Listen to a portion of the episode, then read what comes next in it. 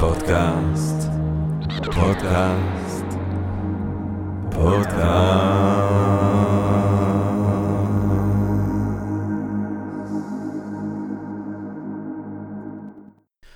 טוב, גבירותיי ורבותיי, ברוכות וברוכים הבאים לפודקאסט של Think and Drink Different, פודקאסט למי שאוהב לחשוב ולשתות. אני ג'רמי פוגל, ואנחנו רוצים קודם כל להודות לסמסונג נקסט תל אביב, קרן ההשקעות בתוכנה בשלבים מוקדמים, שמאפשרת לנו להקליט את הפודקאסט מהמשחק שלה בשרונה כחלק מתוכנית התמיכה בקהילת החדשנות והיזמות הישראלית! אה, והיום, גבירותיי ורבותיי, היום אנחנו רוצים להקדיש את הזמן שלנו כאן אה, בפודקאסט של Think and Drink Different לאחד מהתודעות הנשגבות שהאנושות אי פעם זכתה לה. נשמת ברבור עילאית נשגבת ומפליאה, שרעיונותיה הם השחאה מתמשכת לכל מי שרק זוכה לשמוע ולהכיר אותם מצד אחד, ומצד שני גם אחד מהכופכים מעוררי ההשחאה, וגם אירועי הזעם במחנות מסוימים אה, של ההיסטוריה המערבית בכלל ושל ההיסטוריה של אה, היהדות המערבית בפחת. אני מדבר כמובן על ברוך שפינוזה. וכדי לדבר על ברוך שפינוזה, אנחנו זימנו כאן היום בערב, גבירותיי ורבותיי, אורח שכבר ביקר, אה, אה, אני חושב שפעמיים הוא כבר ביקר אצלנו בפודקאסט, הוא אורח שיש לי איתו קשר אישי הדוק, קשר של זהות. גבירותיי ורבותיי, האורח שלנו כאן היום בערב הוא ג'רמי פוגל. שלום רב ג'רמי פוגל, שלום רב ג'רמי פוגל. האם תרצה ג'רמי פוגל לדבר כשעה ורבע, אני יודע מה, מה שיצא על ברוך שפינוזה? אני אשמח לדבר על ברוך שפינוזה. אי לקם ובהתאם לזאת, בוא נחתך בוא נחתוך ישר לווריד הצוואר, ובוא ננסה יחד אה, לחקור, לחשוף אה, לפני הקהל הקדוש אה, שמאזין אה, לנו היום בערב, או בבוקר או בצהריים, אה, מי הוא ומהו ומהם רעיונותיו, רעיונותיו הנשגבים של אה, ברוך שפינוזה. ברוך שפינוזה 1632, 1677, אה, זאת אומרת, ברוך שפינוזה, שנולד כאמור ב-1632, נולד אל תוך תור הזהב של הולנד, מה שנקרא בפלמית The Howden Ave. אה, יש לזה כל מיני סיבות היסטוריות. למה אה, הולנד, אה, דווקא הולנד במאה ה-17 היא המקום שכדאי להגיע אליו מכל מיני בחינות. אה, בגדול מאוד אה, אה, במאה ה-16 אה, ספרד עדיין שולטת על מדינות השפלה, מדינות השפלה הם מה שהם היום הולנד, וכמובן בלגיה שממנו אני אה, צצתי איפשהו שם מתישהו. אה, וספרד כמובן היא ספרד קתולית, אימפריה או ממלכה קתולית, וזו תקופה כמובן הקתוליות, כן, עם האינקוויזיציה. האופוזיציה והדיכוי הדתי הנוראי שהיא מתלווה אליה, והסוג השלטון דאעשי הזה ש, ששוהה לו, העננה השחורה הזאת אה, מעל אה, אה, אירופה, ו... יש איזשהו מרד פרוטסטנטי אה, בהולנד, במה שהיום פלנדריה, באיזשהו שלב הספרדים במלחמת פלמיה מצליחים להשתלט שוב על מה שהיום פלנדריה, משתלטים בין השאר על אנטוורפן, עיר הולדתי יש לומר, וכך בעצם נוצר אם תרצו הגבול, כן, בין הולנד, במה שהיום הולנד, שהם נשארים חופשיים ופרוטסטנטים, לבין פלנדריה שהיא היום חלק מבלגיה, שהיא עד היום אה, קתולית. אה, אה, ומה שקורה בעצם עם השתלטותה של הספרדים חזרה לאנטוורפן, זה שהם מכריזים שתוך ארבעה שנים הם דורשים שכל הפרוטסטנטים מאנטוורפן יעזבו את אנטוורפן ויעברו צפונה להולנד. וזה אכן מה שקורה בעקבות ההשתלטות של הקתולים חזרה על פלנדריה, הפרוטסטנטים עוזבים, והרבה מאוד מהפרוטסטנטים האלה שעוזבים להולנד הם אנשים שמבינים את מקצועות הנמל. הם יודעים להפעיל נמל, לבנות ספינות, הם, הם מלאכים, הם אנשים אה, שיודעים אה, לקיים נמל אה, גדול. אנטוורפן היא עיר הנמל הגדולה של אה, צפון אירופה, לפחות במאה, אה, אם לא אירופה כולה, אה, במאה ה-16, וזה גם שיא תור הזהב של אנטוורפן, ומי שמסתובב לו באנטוורפן ומשווה בין אנטוורפן לבין, לבין אמסטרדם, רואה בעצם אה, ארכיטקטורה די דומה, אבל מאה שנה אחורה, כן? ואומנות של ציור שהיא לא מאוד שונה, אבל מאה שנה אחורה, כי אז אה, זה תור הזהב הגדול של אנטוורפן, אבל עם המעבר של כל הפרוטסטנטים ועובדי הנמל האלה לאמסטרדם, אה, מתחיל בעצם תסיסה אה, כלכלית אה, רבתית באמסטרדם. מה גם שמגיע לאמסטרדם עוד קבוצה מרתקת של אנשים והם כמובן היהודים האנוסים, המרנוס של חצי האי איבריה, בספרד ובפורטוגל, יהודים שבעצם נאלצו להתנצר בפומבי, כן, תחת האיומים הנוראים של הכנסייה הקתולית, אבל בסודי סודות, בחדרי חדרים, המשיכו לקיים את דת אבותיהם, וכשהם מבינים בעצם שיש אפשרות כלשהי להגר להולנד, להגר למקום שבו יוכלו לחזור לדת אבותיהם, הרי שהם, מי מהם שמעוניין ויהיה מסוגל לעשות זאת, מגיע עד לשם, כן? מגיע עד ל... אה, אה, עד להולנד. אה, וככה בעצם מה שקורה הוא שבאמסטרדם מגיעים אנשים שיודעים לקיים נמל ומגיעים אותם יהודים שיש להם קשרי מסחר ענפים ויכולות מסחריות ענפות כי כדי לקיים מסחר במאה ה-16 וכמובן גם במאה ה-17 צריך איזושהי רשת עולמית ויהודים שיש להם משפחות נאות בכל המרחב ובכל העולם וגם יש לומר מסורת ארוכה של מסחר בינלאומי בתקופה שבו מסחר בינלאומי הוא עניין מאוד מאוד מורכב, כן? כי מי מבטח לך את הסחורות ואיך אתה יכול לסמוך על אנשים שאיתם אתה בא במגע, אבל אם אתה חלק מקהילה יהודית, אז קודם כל יש סיכוי שיש לך איזה בן דוד בצפון אפריקה ובן דוד בהודו ובן דוד אה, אה, אה, אה, אה, בפולין, וכל מקום שאתה מגיע יש איזה בית כנסת וידאגו לך, אז ליהודים יש קשרי מסחר אה, אה, אה, אה, אה, ענפים מאוד אה, ופוריים מאוד, אה, ואותם אה, השילוב הזה של ההגירות האלה, אה, של אנטוורפן, תמיד הגירה מאנטוורפן זה דבר מעולה, כן כמובן, אבל השילוב של הגירה מאנטוורפן אה, הפרוטסטנטית של עובדי הנמל והגירה של היהודים עם קשרי המסחר והידע המסחרי שלהם יוצר ומוסיף לתוססות של אמסטרדם שפורחת מבחינה כלכלית במאה ה-17, יש מסחר בכל העולם, אולי בעיקר גם לציין את המסחר המסחר אה, אה, אה, עם המזרח, המונופול שיש לסוחרים ההולנדים עם המסחר ביפן. מי שראה את הסרט המעולה של סקורסזה שתיקה, רואה בסוף את ההולנדים סוחרים שם. אה, יש את הקמת הבורסה המודרנית הראשונה לניירות ערך, כולל יהודי בשם יוסף דה לה וגה, שהוא הראשון אה, שכותב ב-1688 אה, ספר על איך להרוויח בבורסה, אז כמובן זה בורסת הטוליפים המפורסמת. לספר הזה קוראים Confusión de Confusiones, בלבול הבלבולים.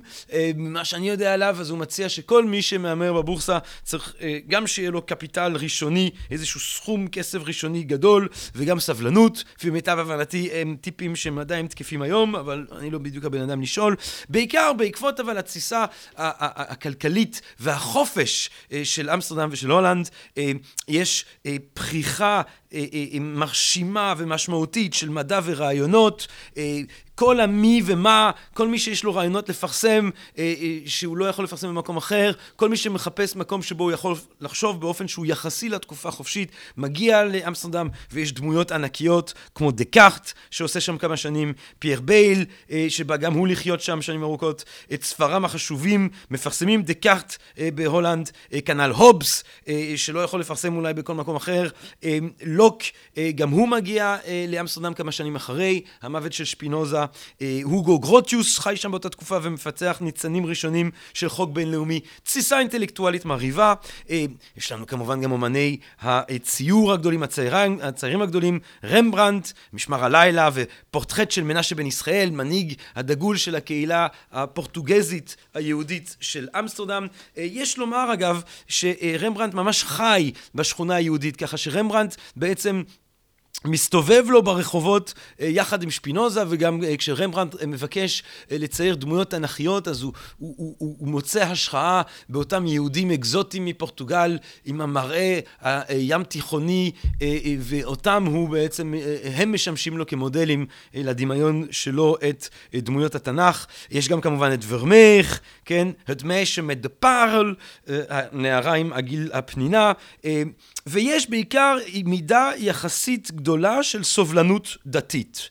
בין השאר בגלל שמרוב כתות פרוטסטנטיות שונות ומשונות, אה, לא היה, לא היה מאוד פרקטי לעשות אחרת, כן? אה, זה לא מקום שכדאי לו להיות אה, לא טולרנטי, פשוט כי יש כל כך הרבה קבוצות ש, ש, ומיעוטים דתיים כאלה ואחרים. זה קצת כמו שלא כדאי מאוד להיות גזען בניו יורק היום, כן? אם אתה רוצה להיות גזען בארצות הברית, אולי כדאי לך לבחור איזשהו כפר איפשהו שיש בו בעיקר יהודים, סליחה, יהודים, בעיקר לבנים, אם אתה בניו יורק עם כל היהודונים והאפרו-אמריקאים והסינים והיפנים והרוסים והג'מייקנים והאפריקאים והמקסיקנים כל התמליל המרהיב וה, וה, והמשגע הזה של, של ניו יורק, הוא מאוד יקשה על איזשהו ניסיון אה, אה, אה, להמליך שם משטר גזעני. כך גם במידה אולי קצת פחותה, אבל עדיין באמסטרדם של המאה ה-17 אה, אה, יש כל מיני סוגים של פרוטסטנטים.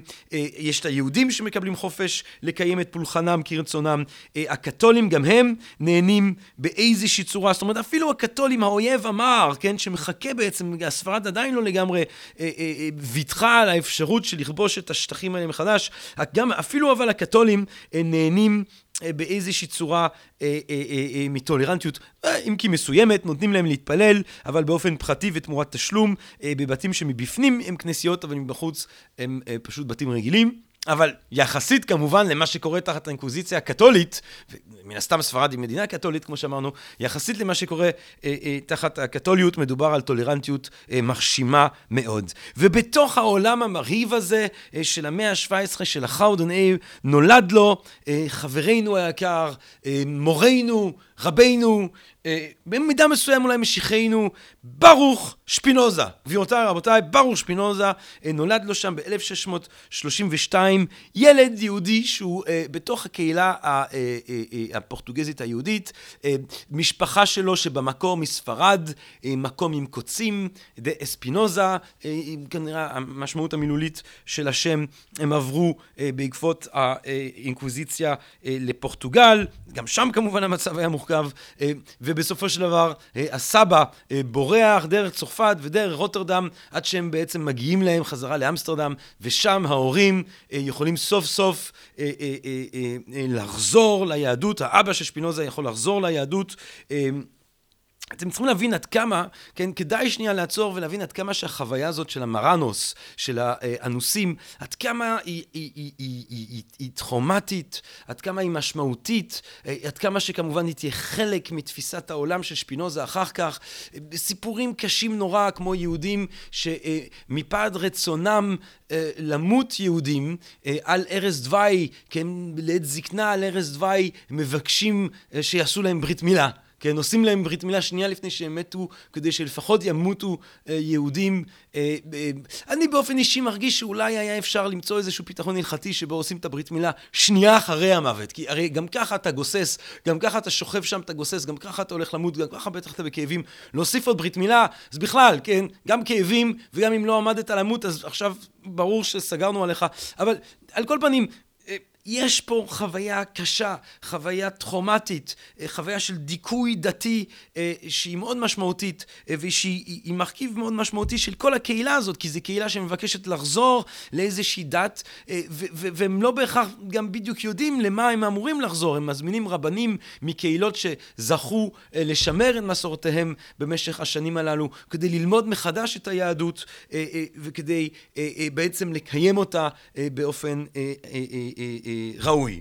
אמ, האבא של אמ, אה, ברוך, אה, ברוך בעברית כמובן, אה, בנדיקטוס בלטינית, אבל בבית קראו לו בנטו, כן, קראו לו בנטו. האימא של בנטו נפטרה כשהוא היה רק בן שש, האבא שלו הוא איש עסקים.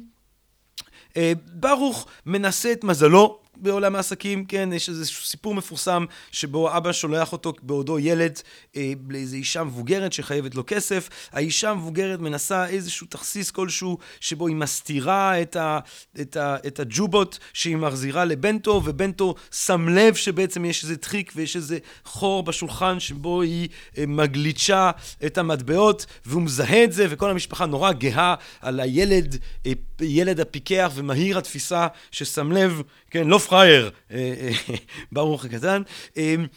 יש גם עוד איזה סיפור שאבא שלו שולח אותו למשימה טיפה יותר מורכבת אולי, שבו הוא אמור ללכת ולהביא את ה... להביא חובות של שני אחים בעודו איש צעיר, ואז אה, איש צעיר, אה, אה, אה, אה, כאיש צעיר הוא חוטף שם, הוא הולך לאיזה פונדק לאסוף את הכסף, בום, אח אחד מביא לו בוקס, אה, אה, ואז האח שני מוציא אותו החוצה, זורק אותו לרצפה, גונב לו את הכובע, אני לא יודע, אבל יכול להיות שאלה הם השנים אה, בהם ברור שפינוזה החליט שהוא לא הולך להיות אה, איש אה, אה, עסקים. אה, בכל מקרה, האגדה אומרת שהוא היה מכוון לקריירה רבנית גדולה ונשגבת, אה, אה, ואנחנו עוד מעט הרי נגלה את הכפירה של ברוך שפינוזה, את החרם שהוטל עליו. אה, אז, אבל, אבל, אבל לפי מה שמיטב הבנתי, אין שום סיבה מיוחדת לחשוב שלשם הוא כוון. כן, רוב הסיכויים שכיוונו אותו בעצם להיות חלק מה, מה, מהחיים העסקיים של המשפחה. אין לי שמץ של ספק, כן, שגם כתלמיד תלמיד צעיר, אה, ברוך הצעיר בטח היה אה, ילד עם עומק יוצא דופן ועם יכולות שכליות מרהיבות, אבל אה, הרעיון הזה שהוא היה מכוון דווקא לרבנות ואז הוא סטה לדרך אחרת, זה נראה לי קצת רומנטיזציה של הנתונים ההיסטוריים שיש לנו, אבל אני כל כולי בעד רומנטיזציה איפשהו. אמ, האבא של ברוך שפינוזה מת כשהוא רק בן 22. אה, ואז קורה סיפור אה, מעניין וסיפור שהולך בעצם לומר הרבה על מה שאנחנו הולכים לראות אה, בעתיד של, של, של, של, אותו איש צעיר. בעקבות המוות של אבא שלו, האחיות של ברוך שפינוזה מנסות בעצם לגזול ממנו את הכספים שמגיע לו בירושה, והוא תובע את האחיות שלו. אבל הוא תובע אותם לא בבית דין רבני, אלא בבית דין אזרחי, בבית משפט אזרחי. הדבר הזה הוא קודם כל מאוד מאוד משמעותי. כי אם אנחנו נחשוב אה, על חילוניות, וברוך שפינוזה נתפס, ואני חושב שבצדק רב, כיהודי החילוני הראשון, ואפילו אפשר לומר כבן אדם המערבי החילוני הראשון, אם נחשוב לרגע על חילוניות, הרי שהמשמעות של חילוניות, או של תהליכי החילון בהיסטוריה המערבית, היא תהליכים שבעקבותם כוח שהיה בידי מוסדות ורשויות דתיות, עובר או עבר למוסדות ורשויות אזרחיות. זוהי המשמעות הטכנית, החברתית אם תרצו, אה, של חילון. הביטוי של זה בפחת הוא שהפחת מקבל רשות על החלטותיו הוא. ההחלטות המוסריות והפוליטיות והקיומיות שלי עוברות מרשות המוסד הדתי אליו אני משוייך או למנהיג הדתי אה, אליו אה, אני כפוף עוברות לי, כן? אני הרשות אה, של עצמי. זה ברמה האינדיבידואלית. אבל ברמה החברתית זה מעבר של אה, מוקד הכוח מרשויות ומוסדות דתיות לרשויות ומוסדות אה, חילוניות. ובכך שאזרחיות. אזרחיות. ובכך שברוך שפינוזה תובע את החיות שלו דווקא במוסד אזרחי, הוא איפשהו כבר אה, מצביע על הכיוון שהמאמץ הפילוסופי והאינטלקטואלי ואפילו הקיומי שלו אה, הולך אה, ללכת אליו.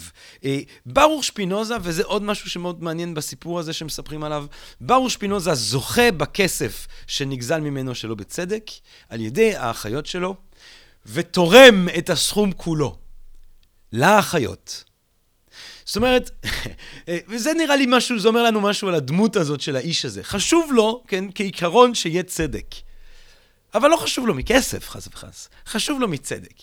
אמ, מה שכן זה שהוא ישמור את הלי דה קאן, את המיטה, ש, ש, אה, אה, מיטה משפחתית כזאת, שבו הוא אה, כנראה נולד, שבו הוא כנראה ראה את האימא שלו גוססת בעודו ילד קטן, ואומרים שכל חייו הוא חי או ישן באותה מיטה. יש לומר שלפי רוב הדיווחים ולפי רוב המידע שיש לנו על ברוך, הוא ישן שם לבד בעיקר. יש סיפורים. אה, בזמן האחרון אה, שאולי היה שם איזשהו אה, חבר צעיר ששהה איתו פה ושם. אם כן, כמובן, לחיים, לכל המעורבים, אין, אין לנו שום סיבה לחשוב כך או כך, זאת אומרת, לא איזה שום בעיה, יש אולי רמזים מסוימים שאפשר למצוא, לא חושב שזה קריטי, בעיקרון ברוך שפינוזה חי חיים של, של, של, של, של, של סקפנות מסוימת ושל, ושל בדידות מוארת כזאת, נזירות פילוסופית אם תרצו. אבל אם אנחנו מדברים על הביוגרפיה של ברוך שפינוזה, הרי שכמובן עיקר העניין, עיקר העניין של החיים האלה שלו, הם כנראה החרם. כן, בגיל 24, ב-1656, אם אני לא טועה, אה, ברוך שפינוזה חוטף חרם. עכשיו אני אגיד כמה דברים על החרם הזה. אין ספק שמדובר ברגע שהפך להיות סמלי אה, אה, מאוד ומשמעותי מאוד בסמליות שלו.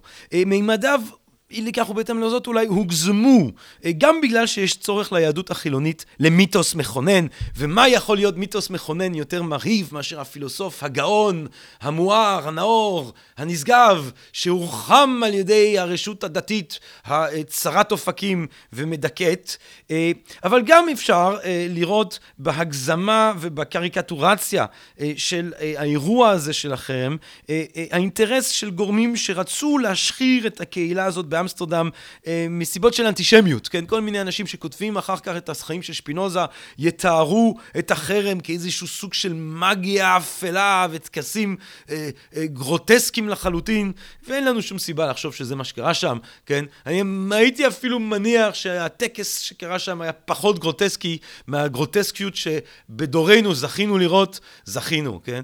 אה, עם הפולסות דנורות אה, המגוחכות הללו למיניהם, והאבליות האלה, הבזויות הללו. אה, בכל מקרה גם חשוב לקחת בחשבון שלפני אה, אה, שאני אדבר על, על, על סיבות החרם ועל, ועל מעמדו ועל תגובתו המדהימה של ברוך לאירועים, צריך גם לומר מילה אה, לקהילה הזאת. אה, צריך גם, כי אני חושב שאולי הנטייה הטבעית שלנו תמיד להזדהות עם היחיד שנאבק נגד השיטה, כן, נגד החומה, אה, נגד... אה, אה, אה, אה, האוטוריטה המדכאת וכולי, אבל יש גם פה צד לקהילה. זוהי קהילה שהיא רואה את עצמה כבעלת אחריות אה, רחבה, בגלל שהיא מצליחה ובגלל שהיא מתפרנסת, אז, אז יש בה משהו מאוד מאוד יפה של אחריות וסולידריות יהודית. היא מטפלת בדיוק בפליטים אה, שחוזרים מברזיל ושמגיעים מפולין.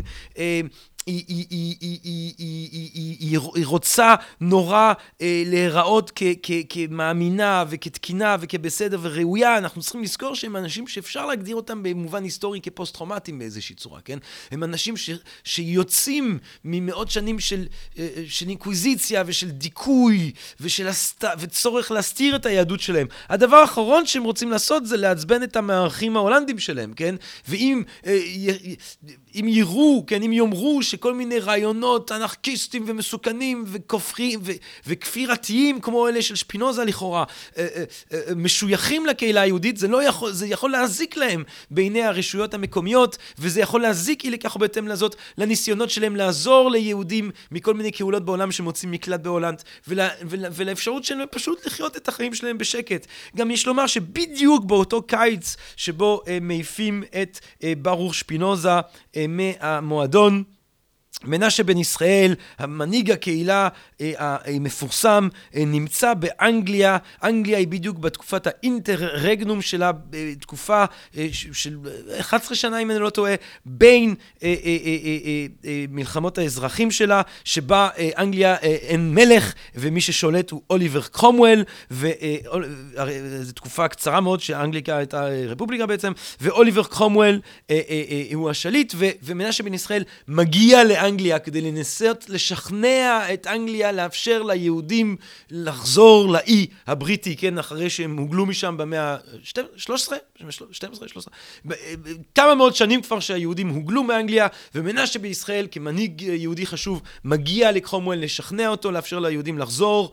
אה, אה, כל המאמצים היפים האלה שהקהילה הזאת מעורבת בהם עלולים להסתכן אה, דמויות בעייתיות כמו ברוך שפינוזה יהיו משויכות אליה. לכן יש פה גם צד של הקהילה שצריך לקחת בחשבון. עכשיו, אין לזלזל אבל באפקט ההרסני, הכואב, שלחרם כזה יכול להיות, אם אנחנו נסתכל על הדוגמה של אוריאל אקוסטה, שחוטף חרם כ-20 שנה לפני שפינוזה, אוריאל אקוסטה בעקבות כנראה מחשבות כפירתיות על כל מיני תורות שנתפסו כמקודשות על ידי בכירי הקהילה היהודית, עובר חרם ראשון, ובסופו של אותו חרם בדיכאון ובבדידות נוראית, הרי חרם זה באמת רוצה להגיד שהמשפחה, שאתה מורחם, זה עידן לפני אפשרות של ליצור איזושהי קהילת תמיכה אחרת, כן? הקהילה הזאת שהיא נותנת לך איזושהי סוג של זהות חברתית לחלוטין מתנתקת. מנותקת ממך ולא מאפשרת לך אה, אה, אה, אה, שום קשר, לא עם בני המשפחה ולא עם החברים שלך לשעבר וכולי וכולי. בעקבות הבדידות הנוראית הזאת, אוריאל אקוסטה מבקש, כן, אה, למרות שהוא לא לחלוטין סגור על הרעיון של יהדות מסורתית, הוא מבקש לחזור אליה, ולאחר 39 מלקות בחצר בית הכנסת אה, באמסטרדם, ולאחר שמניחים אותו בבתי הדלת, אחרי תפילות שבת, אני נראה לי, וכל הקהילה דורכת עליו בדרך החוצה, אחר ההשפלה הנוראית הזאת מאפשרים לו לחזור איכשהו ליהדות. ואז יש איזשהו סיפור משונה שבו שני נוצרים שמתעניינים בהתגיירות, מתייעצים איתו, גם כן מצאו עם מי להתייעץ, הוא אומר להם, אה, אני לא בטוח, אני לא משוכנע בהכרח להצטרף ליהדות, אה, בהכרח צעד שהייתי עושה, בום, שוב חרם, והפעם הוא ממש מתפרק, הוא, הוא כועס, הוא כועס, הוא מלא בכעס. כעס, אומרים שהוא מנסה לראות אה, ב, אה, באיזה בן דוד שלו ולא מצליח, ובסוף יורה בעצמו, וגם זה חצי מצליח, והוא גוסס מפצעיו עד שהוא מת, כן? איך אומרים, הסוגה הזאת של ההתאבדויות של אנשים, ואן גוך יוצא לשדה, יורה בעצמו, חוזר הביתה וגוסס, כן? המוות הנורא הזה וכולי. זה יכול ממש לפרק בן אדם מבפנים. ניכר אבל, ושוב זה אומר משהו על האופי של האיש, שלברוך שפינוזה הדבר הזה לא כל כך מטלטל אותו. אומרים שכשהוא שמע שמכינים נגדו חרם, אז הוא אמר, אה, תודיעו לי אם אה, הרבנים זקוקים לעזרה עם הנוסח העברי. כן? כי דבר אחד הוא יודע בראש פינוזה, זה שהוא יודע יותר טוב אה, עברית אה, אה, אפילו מהרבנים. וב-27 ביולי 1656, אה, ביום של החרם עצמו, אה, שפינוזה אפילו לא טורח להגיע אה, למעמד, אה, ושולחים אליו איזשהו שליח, אה, והשליח הזה אה, אה, אה, אה, נותן לו את כתב החרם, ואומרים שהתגובה של שפינוזה הייתה אה, לומר שהדבר הזה לא משנה את הדרך. הדרך בה תכננתי לחיות גם ככה. אה, רוגע, שלווה פנימית עמוקה, איזשהו סוג של דטאצ'מנט uh, כזה, איזשהו סוג של, של, של, של ריחוק מדברי העולם הזה ומהעליות והמורדות של חיי אדם, איזשהו סוג של חיים ברובד uh, נשגב יותר, uh, uh, ברובד uh, uh, של, של, של, של, של, של אור uh, פנימי, uh, ברובד uh, של uh, גאולה, uh, uh, כפי שאולי הפילוסופיה שלו uh, משקפת. Uh, כמובן שהשאלה המסקרנת ביותר היא, מה כבר האיש הצעיר הזה, בן ה-23 או 24 שם, מה כבר האיש הצעיר הזה עשה כדי לחטוף אה, חרם כזה חמור, כן? כי שוב, יש לומר שחרמות נותנים על שמאל ועל ימין, כן? יש הרבה חרמות במאה ה-17 בקהילה הפורטוגזית באמסטרדם. לרוב זה דברים קטנים, איזשהי סוג של צרה עסקית, אתה חייב כסף למישהו, או אתה חייב כסף לקהילה באיזושהי צורה, ואז אתה עושים עליך חרם, אתה מיד כמובן דואג לענייניך, ואז מחזירים אותך, כן? לרוב זה לא דרמטי כמו אצל אוריה לקוסטה, וזה לא מעורר רגשות כמו אצל שפינוזה, אנחנו גם יודעים שאצל שפינוזה למשל, באיזשהו שלב איזה מישהו, אה, אה, קנאי יהודי מהקהילה צורח עליו, כופר, מנסה לדקור אותו. אה, אה, אומרים שזה כן השאיר עליו רושם אגב, כן? אם החרם עצמו אה, לא בדיוק אה, אה, טלטל אותו, אז ההוא שניסה לדקור, זה דווקא אה, כן עשה עליו אה, מן הסתם רושם עז. אומרים שהוא היה מראה את המעיל עם החור הזה אה, אה, אה, אה, אה, ומציג אותו לאנשים. אה, בכל מיני, אז השאלה היא באמת מה קרה? מה קרה?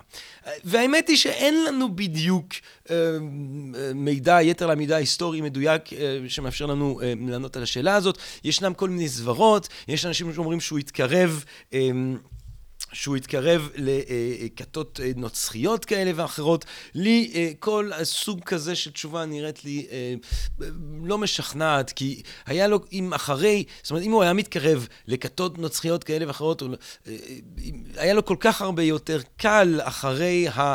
אה, אה, אה, חרם, פשוט להצטרף או להתנצר או להצטרף לאיזושהי קבוצה דתית, זה היה מקל עליו, כן? והוא בחר להישאר במעמד המדהים הזה של אדם עצמאי שבעצם לא משוייך לאף קהילה דתית. אז, אז, אז, אז זה לא נראה לי משכנע. אמ, כנראה שהרמז ההיסטורי, ורמז היסטורי מפליא, אמ, מעורר פליאה שזכינו אה, אה, אה, לקבל אותו, את התיעוד הזה. הרמז המשמעותי ביותר הוא כנראה עדותו של נזיר ספרדי בשם תומאס סולנו אירובלס. ואותו נזיר ספרדי מוצא את עצמו תקוע אה, בגלל שהספינה שלו אה, טובעת שם ליד הולנד, ואז הוא איכשהו תקוע כמה חודשים אה, באמסטרדם, אה, עד שמתאפשרת החזרה שלו אה, לספרד. אה, ו... אה, כשהוא חוזר לספרד, הוא מדווח אה, אה, לאינקוויזיציה על אה, מפגשיו, ואולי גם, וגם כנראה עם דגש על סוג הכפירויות שהוא היה עד להם בעודו באמסטרדם החופשית כל כך. כן, תראו עד כמה נורוטי דיכוי דתי אה, יכול להיות, כן? זאת אומרת, הבן אדם, האינקוויזיציה אפילו, אה, חשוב לאינקוויזיציה לדעת אפילו אה, מה קורה באמסטרדם, אה, אה, אולי, כן, בתוך איזושהי פנטזיה, שאם מתישהו השלטון הספרדי יצליח להשתלט חזרה לאמסטרדם, הם ידעו מיד אה, מי לסחוט. לדחוף, כן? אז בכל מקרה, אה, תומאס אה, סולנוס אירובלס אה, מדווח על מפגשים שהיו לו, היה איזה חבורה כזאת, עליזה כזאת של אנשים דוברי ספרדית, כן? אולי הייתי צריך לציין כמובן ששפינוזה הוא יודע פורטוגזית, ספרדית, עברית, הוא כמובן ילמד גם, ילמד גם הולנדית, הוא, הוא כמובן יכתוב בלטינית. אז יש איזו חבורה דוברת ספרדית שנפגשים באיזשהו סוג של פונדק, אה, אה, אה, ובפונדק הזה הם מדברים ומקשקשים.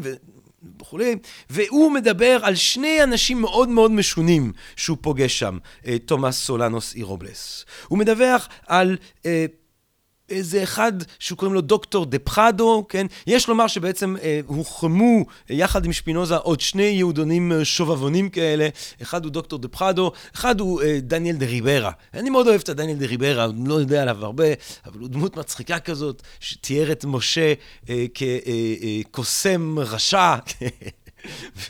ושניהל יחד עם אח שלו אמ, אהרון איזושהי חונטה אה, אה, כזאת שאוששה את עם ישראל מכספו במיסוי, במיסוי מובהר.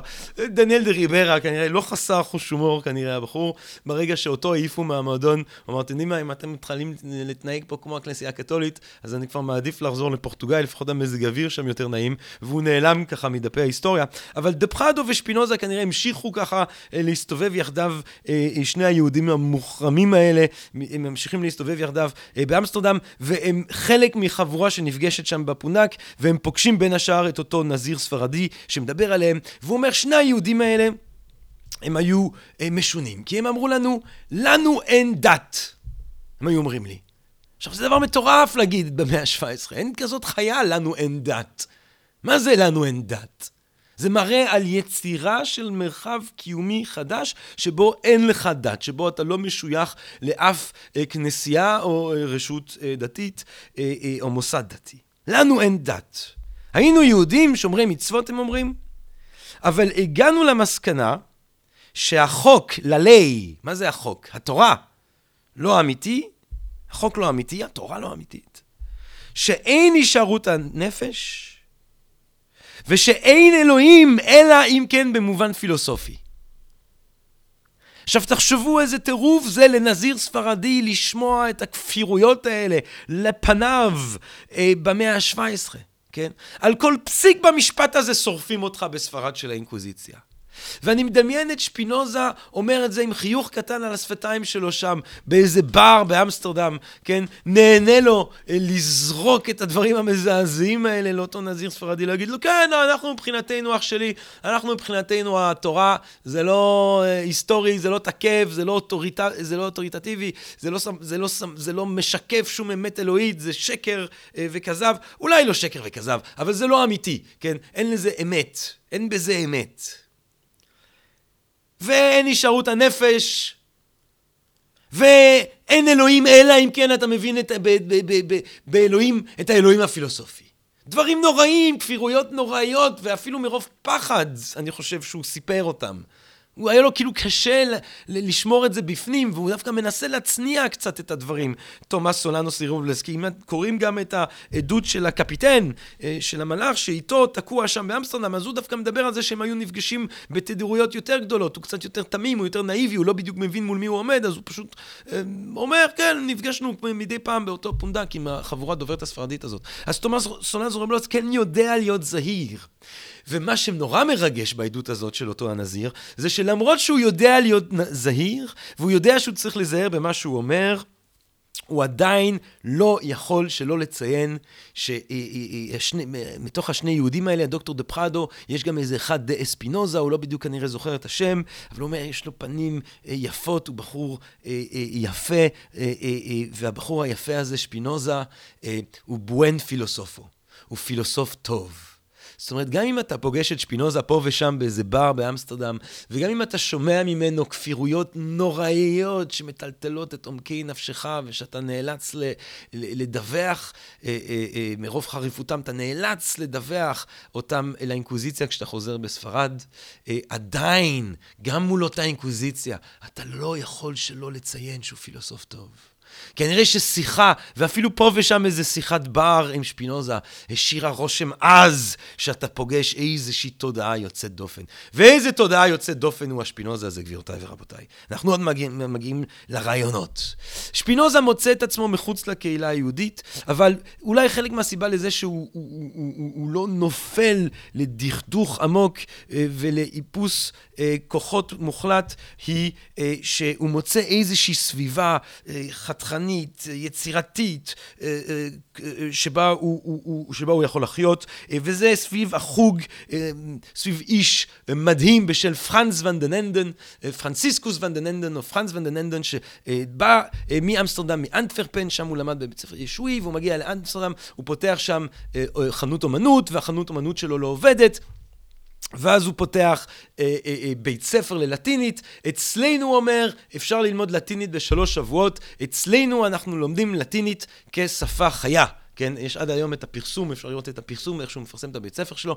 נראה לי החלדי ללמוד אצל פרנס ונדננדן לטינית בשלושה שבועות. Uh, הדרך שבה התלמידים שלו לומדים לטינית זה דרך זה שבעצם הם משתתפים בהצגות בלטיניות, uh, במחזות, ושפינוזה כנראה, כן, למד לטינית בזה שהוא אשכרה השתתף במחזות. אוי, רק לראות את שפינוזה משחק איזושהי דמות בלטינית.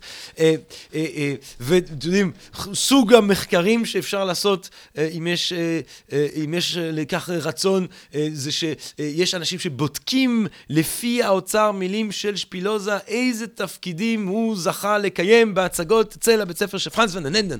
אבל מה שבעיקר מעניין זה שפרנס ונדנדן הוא דמות מהפכנית, מרתקת. הוא בן אדם שהוא חופש, חושב חופשי. זה קודם כל בא לידי ביטוי אה, ב, ב, ב, בתפקיד הרם, הבכיר שיש לשני הבנות שלו, כן? אה, בבית ספר. אה, האחת, הבת הגדולה, היא גאונת מתמטיקה כזאת. יש לה ידע מתמטי מרהיב, והיא מלמדת מתמטיקה, וכשלייבניץ יבוא היום לפגוש אותה, הוא יהיה בפליאה מוחלטת, כן, לפגוש אישה של, שהיא הבנה כל כך עמוקה ומרהיבה וחדה של המתמטיקה, ואחותה הקטנה, מריה קלרה, אה, שאלה כנראה היה כישרון יותר בולט בשפות, היא הזאת שתכלס לימדה את שפינוזה אה, אה, אה, לטינית. אומרים גם ששפינוזה, אה, למרות שהיא הייתה ככה מאוד צעירה, כן, היא הייתה ב 12-13, אבל טוב, זו תקופה. תקופה אחרת, כן? אומרים ששפינוזה דווקא נורא התלהב ממנה ואהב אותה, אולי איזה גיבנת, לא יודע, יש כל מיני סיפורים, אבל את נפשה, את נשמתה, בה הוא התאהב, אבל היא בסוף, אותה קלרה מריה, בחרה בתלמיד עשיר יותר, שהעניק לה תכשיט יפה, כן? לא, הבינה, הבינה מאיפה משתין הדג זאת, אבל... על כל פנים, אמ, אה, אה, זה משקף את המהפכנות של פרנס ונדננדן, שנאבק למען חברה יותר חופשית, אה, ששמח לקבל לבית ספר שלו את אותו יהודי הוא חם, כן? אני מניח חבורה שלמה של אאוטסיידרים כזה. פרנס ונדננדן, אגב, יסיים במוות די מדהים, בגיל 70 פלוס, הוא נמצא בצרפת ומנסה שם להרים איזושהי מהפכה צרפתית נגד מלך צרפת מאה שנה לפני הזמן, ויתלו אותו כמרדן, כמהפכן. אה, בגיל 72, כן, איש, אה, איש מחשים מאוד, ואין ספק שההיכרות עם האדם הזה אה, עוררה השחאה רבה אצל שפינוזה, ואפילו יש לומר השפעה פילוסופית, אנחנו יכולים אולי, יש הטוענים שחלק מהרעיונות המרכזיים של שפינוזה, הוא, הוא, הוא, הוא זכה לחשוב עליהם תחילה עם פרנס ונדננדן וכולי. שפינוזה אה, בעקבות אה, אה, הדברים באיזשהו שלב פשוט יעבור לחיות בכפר קטן, בכפר רגוע, שם הוא ילטש עדשות. אומרים, יש איזו נטייה לתאר את ליטוש העדשות של שפינוזה כפעילות שהוא פועל אותה עם הידיים, אתה יודע, בעוד המוח שלו חושב על הפילוסופיה הגדולה, וזה שטות כמובן, כי ליטוש עדשות במאה ה-17 זה חוד החנית של המדע, זה אופטיקה, זה דורש ידע פיזיקלי, זה הופך אותו בעצם למדען, מה גם שטלסקופים ומיקרוסקופים שמפתחים בשנים האלה הם הם מרכיב מהותי מאוד אה, בהתפתחות המדעית אה, אה, ובגילויים המדעיים המרהיבים, ושפינוזה הוא בהחלט מדען שנמצא בקשר רציף עם מדענים נוספים.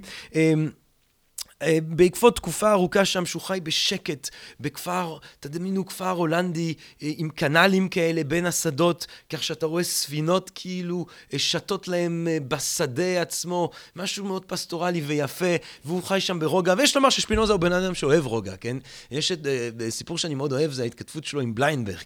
בליינברג הוא איזה סוחר ששומע, כן? כי שמו של שפינוזה כבר מתחיל ללכת לפניו, הוא כותב על דקארט, ויש, מדברים על היותו פילוסוף גדול. והוא הוא כותב לו מכתב, והוא אומר, אני רוצה נורא להתייעץ איתך, אני סתם איש מסחר, אני לא פילוסוף גדול, אבל חשוב לי מאוד להתייעץ איתך, אדון שפינוזה, אני רוצה אה, להבין ממך אה, דברים וכולי. והוא כותב לו, שפינוזה אומר, כן, בוא נתכתב, ואני, וזה, ופה. ואז יש מכתב שני, שפינוזה לאט לאט מתחיל לקלוט שהאיש, אה, יש לו תפיסה תיאולוגית מדי עבורו. על המכתב השלישי, שפינוזה כבר אומר לו, טוב, תקשיב, אח שלי, כאילו, די, די, די, די, די, די.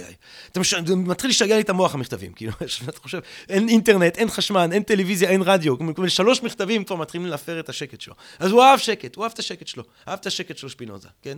הוא לא היה, הוא היה עובר למושב אם הוא היה חי בישראל שלו, הוא היה נשאר בתל אביב. Um, בסופו של דבר אבל הוא כן uh, יעבור uh, לחיות uh, באיזושהי עליית גג בדנהאך, שם הוא מזכיר את העליית גג הזאת uh, ממשפחה.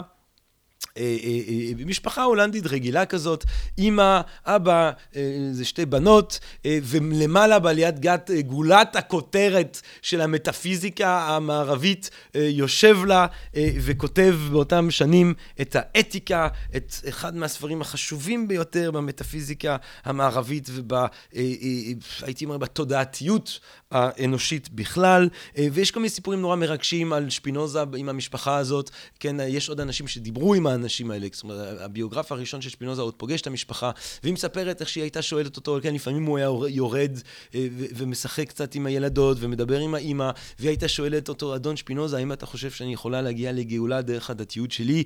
והוא היה אומר, כן, בטח גברת, אה, אה, והוא היה מודד את הבנות ללכת לכנסייה, וביומו, ואז הוא, הוא חולה, בגיל 44 בעצם כבר הוא הולך למות, הוא יש לו איזושהי בעיה נשימה, יש לו בעיית ריאות קשה, הוא כנראה גם הוחרפה בגלל שהוא כל הזמן, כל השנים האלה נושם חתיכות קטנות של זכוכית כשהוא מלטש את אותן עדשות. ו... ואז כש, כששפינוזה חולה, הם מזמינים רופא, והרופא עם הרפואה של המאה ה-17 מציע בעצם אה, אה, אה, שיאכל מרק עוף של עוף אה, זקן, אז מוצאים מזה עוף זקן ומכינים לו אה, ביום ראשון מרק עוף, והוא דווקא אכל קצת מרק עוף, והמשפחה יוצאת אה, לכנסייה, אה, אה, וכשהיא חוזרת אבל, מרק עוף כן או לא, שפינוזה אה, מת, כן? איפשהו יש בזה קצת משעשע, משהו, אה, אה, אותו יהודי שהוא חם מהקהילה ה... יהודית, עדיין הדבר האחרון שהוא אכל אה, זה מרק עוף, כן? אה, יש לומר ששפינוזה קצת לקראת סוף חייו קיים איזשהו חרם הפוך, כי אה, באותה עליית גג באים כל מיני אנשים לבקר, אולי המפורסם מביניהם והמפגש המרהיב ביותר זה לייבניץ, כן? שהוא פילוסוף הגדול של הדור אחרי של שפינוזה. לייבניץ הצעיר מגיע לפגוש את שפינוזה הגדול, ויש להם שיחה, כן? אבל לייבניץ אף פעם לא יאמר בדיוק מה נאמר שם. שפינוזה הוא פרסונה נון גרטה. כן, אז עדיף לא לדבר יתר על מידה על מה שהם דיברו, הוא קצת מצניע, אה, דיברנו על אה, מזג האוויר, אה, כדורגל, כן, לא, לא.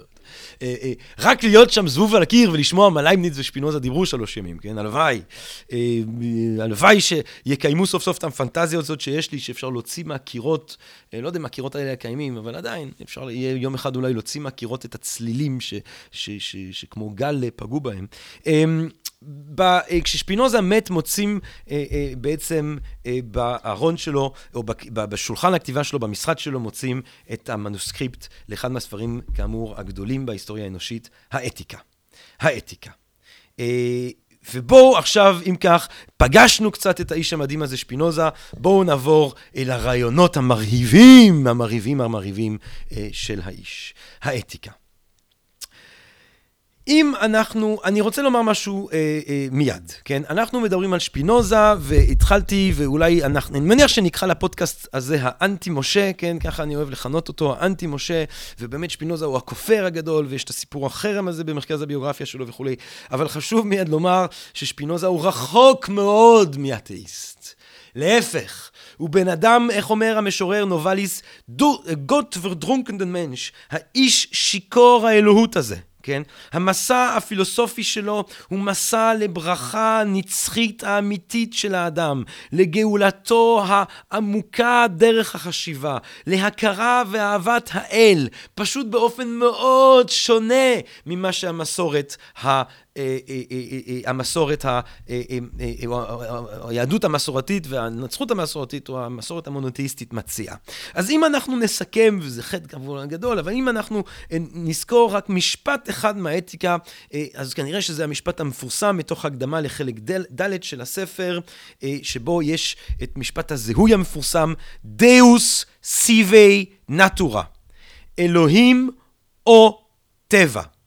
היש הנצחי והאין סופי שאנו מכנים בשם אלוהים או טבע, פועל מתוך אותה הכרחיות שבה הוא קיים.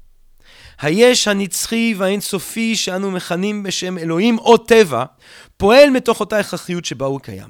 אלוהים או טבע. אם אמרתי אלוהים או טבע, אז בעצם אני עושה פה איזה משוואה, איזה זיהוי של אלוהים והטבע.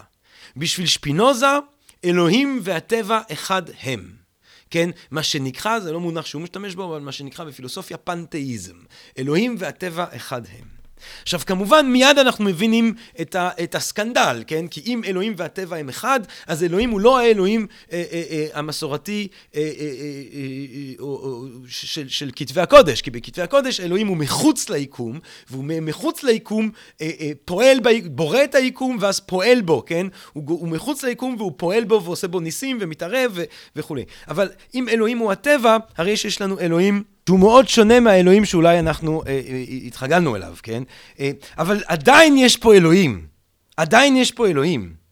הרדוקציה של האל לטבע היא גם הרממות של הטבע לאל. זאת אומרת, בזה שאתה אומר אלוהים הוא הטבע, אתה לא רק מוריד את האלוהים לכדי טבע, כמו שאומר ירמיהו לובל, אתה גם מרים את הטבע לכדי אלוהים, וזה מאוד מאוד משמעותי אצל שפינוזה. זה מרכיב שהוא מפתח להבנת התורה שלו. שפינוזה לא מציע אתאיזם מטריאליסטי כמו שאנחנו מכירים היום, כן? אין אלוהים, יש רק טבע. ממש לא. יש אלוהים. אמנם הוא טבע, אבל יש אלוהים. והטבע הוא אלוהים ואלוהים הוא הטבע. אני מוריד אולי את אלוהים לכדי טבע אם תרצו, אבל אין ספק שאני גם מרים את הטבע לכדי אלוהים. איך אומר הגל, הבעיה עם שפינוזה זה לא שאין אלוהים, זה שיש הרבה מדי אלוהים, הכל אלוהים, הכל אלוהים אצל שפינוזה. הוא לוקח, אם תרצו, ברצינות מאוד את אחדות האל. מרוב, ש, מרוב, ש, מרוב מונותאיזם, אלוהים הופך להיות סוג של חור שחור שבולע את הכל, הכל אלוהים, אלוהים הוא הטבע. אלוהים הוא הטבע. והרעיונות האלה והדרך שבה הוא טוען לרעיונות האלה אה, באופן גאוני, כל זה אפשר למצוא באתיקה, שאנחנו באמת, אני חושב, זכינו ל, ל, אה, להוצאה יפהפייה בתרגום המאוד יפה בעיניי של ירמיהו יובל, וזה גם הדפסה יפה ומאוד ברורה אה, שהקיבוץ המאוחד עשו. לא שאני מרוויח מזה, כן, אבל אני פשוט מאוד ממליץ על הספר הזה, ספר שהולך להביא, או שמתיימר להביא, וכנראה עשה את זה לאנשים פה ושם בעולם, להביא גאולה לנשמתכם. בכמה, הנה, מחיר מומלץ, 98 שקל. 98 שקל, גאולה נשמה, אה, אני חושב שבגדול אה, יש לנו פה עסק אה, ראוי, אה, אה, דיל סבבה, מה שנקרא. אה, פורסם ב-1677, כאמור, החברים מפרסמים את זה בעקבות מותו, שפינוזה סיים אותו אולי אפילו שנתיים לפני, הוא כנראה אה, לא תכנן אה, אה, אה, לפרסם את זה, כי הוא יודע שהספר הזה זה לא ספר שהעולם אה, אה, מוכן לו, כן? אה, וזה ספר שעלול לסכן אותו, אפילו באמסטרדם היחסית טולרנטית, זה לא דברים שאתה יכול לפרסם אותם אה, כמו שהם כותבים ב- בישירות אה, ובחדות שבה הוא כותב אותם בספר הזה. אה, הספר הזה הוא לא רק אחד מהספרים הגאוניים בהיסטוריה של האנושות, אה, ספר שבעצם אה, הוא טוטאלי, הוא מציע שיטה כוללת של המציאות כולה, כן, אה, מהו אלוהים, מהו היקום, כן, כי אלוהים והיקום אחד הם, מהו האדם, מהי הפסיכולוגיה האנושית, בהינתן כל אלה, מהי הגאולה האנושית, ספר טוטאלי כזה, אלא שהוא מציע את השיטה הפילוסופית המרהיבה שבו, הדברים מוכחים בסדר גיאומטרי, בסדר של הגיאומטריה האוקלידית. זאת אומרת, כל פרק נפתח עם הגדרות, כן? אה, ההגדרות הן... מן הסתם האופן שבו שפינוזה הולך להשתמש אה, במונחים אה, שעליהם אה, הוא מסתמך כדי לפחוס את תורתו, ואז יש אקסיומות, כן, אקסיומות הן הנחות בסיסית או, או, או נקודת מוצא, דברים שאמורים להיות מובנים מאליהם, שממהם הוא, הוא יוצא, ואז משפטים והוכחות. כאשר כל המשפטים, זאת אומרת כל ההוכחות למשפטים שהוא מציע, מתבססים או על אקסיומות, או על הגדרות, או על משפטים משפטים שכבר הוכחו. ואז כל פרק יש שוב אה, הגדרות ואקסיומות, ושוב משפטים שכבר מתבססים על האקסיומות אה, וההגדרות של אותו הפרק, או של פרקים קודמים, או של משפטים שכבר הוכחו, כך שבעצם יש איזושהי ארכיטקטורה גיאומטרית מרהיבה שדרכה שפינוזה מביע באופן אה, באמת מפליא בגאוניותו, אה, בשיטתיות של הדבר, בבנייה של זה כיצירה, זה משהו שהוא מופתי, שהוא אה, אה, חסר תקדים. אה, אה, אה, אה בהיסטוריה שלה, של האנושות כולה בעיניי. זה ספר באמת יוצא דופן באיכויות שלו. אז בואו נראה אבל כמה מההגדרות האלה, אה, בואו ננסה להבין אה, בכמה דקות אה, את, ה, את הסיפור ששפינוזה מספר לנו. בעצם אני חושב שיש שלוש מושגים שצריך להבין אותם כדי להבין באופן בסיסי את הפילוסופיה של שפינוזה. צריך להבין את עצם, צריך להבין אופן, וצריך להבין תואר.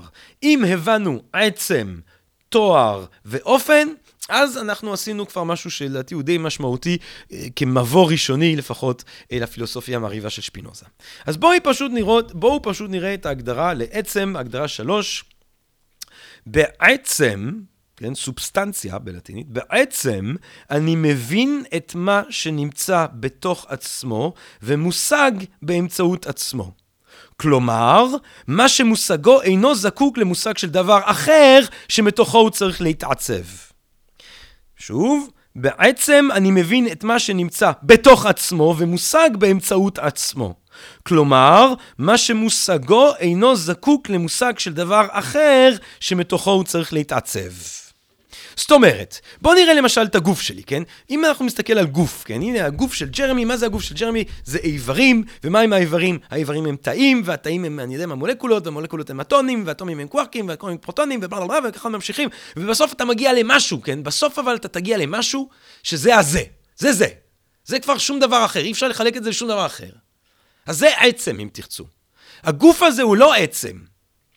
הגוף הזה, כדי להסביר אותו, אתה אתה, אתה, אתה מסביר אותו דרך משהו אחר, אתה אומר זה איברים, והאיברים הם מולקולות, והמולקולות הם אטומים, והאטומים הם, הם, הם כוחקים וזה, והכוחקים הם זה וזה וזה וזה. זאת אומרת, כל דבר שכדי להסביר אותו, אתה צריך לצאת מהדבר עצמו ולהסביר אותו על ידי דבר אחר, הוא לא עצם. בעצם אני מבין שמה שנמצא בתוך עצמו ומושג, להמשיג אותו באמצעות עצמו. כלומר, מה שמושגו אינו זקוק למושג של דבר אחר שמתוכו הוא צריך להתעצב. זה עצם. לעומת זאת, יש אופן. באופן אני מבין את הפעלות העצם, או את מה שנמצא בתוך דבר אחר, שבאמצעותו הוא גם מושג. זאת אומרת, הגוף שלי הוא אופן, כן?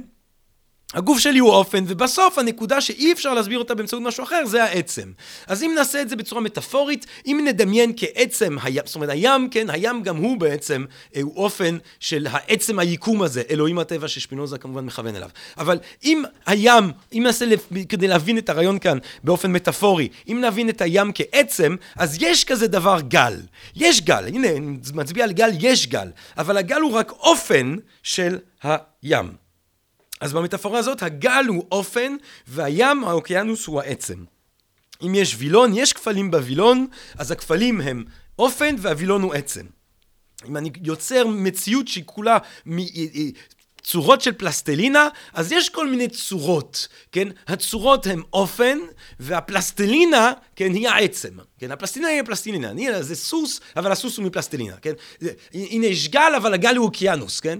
אה, הנה יש כפל בווילון, אבל, אבל זה כפל, הוא בעצם וילון, כן? אז האופן, אה, אה, כאמור, זה הפעלות העצם, או את מה שנמצא בתוך דבר אחר, שבאמצעותו הוא גם מושג.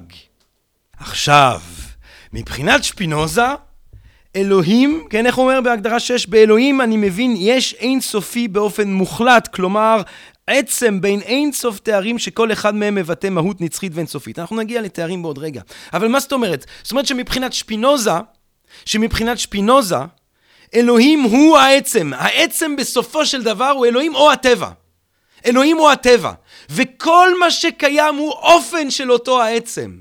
כל מה שקיים הוא גל של האוקיינוס האינסופי והמוחלט שהוא אלוהים או הטבע.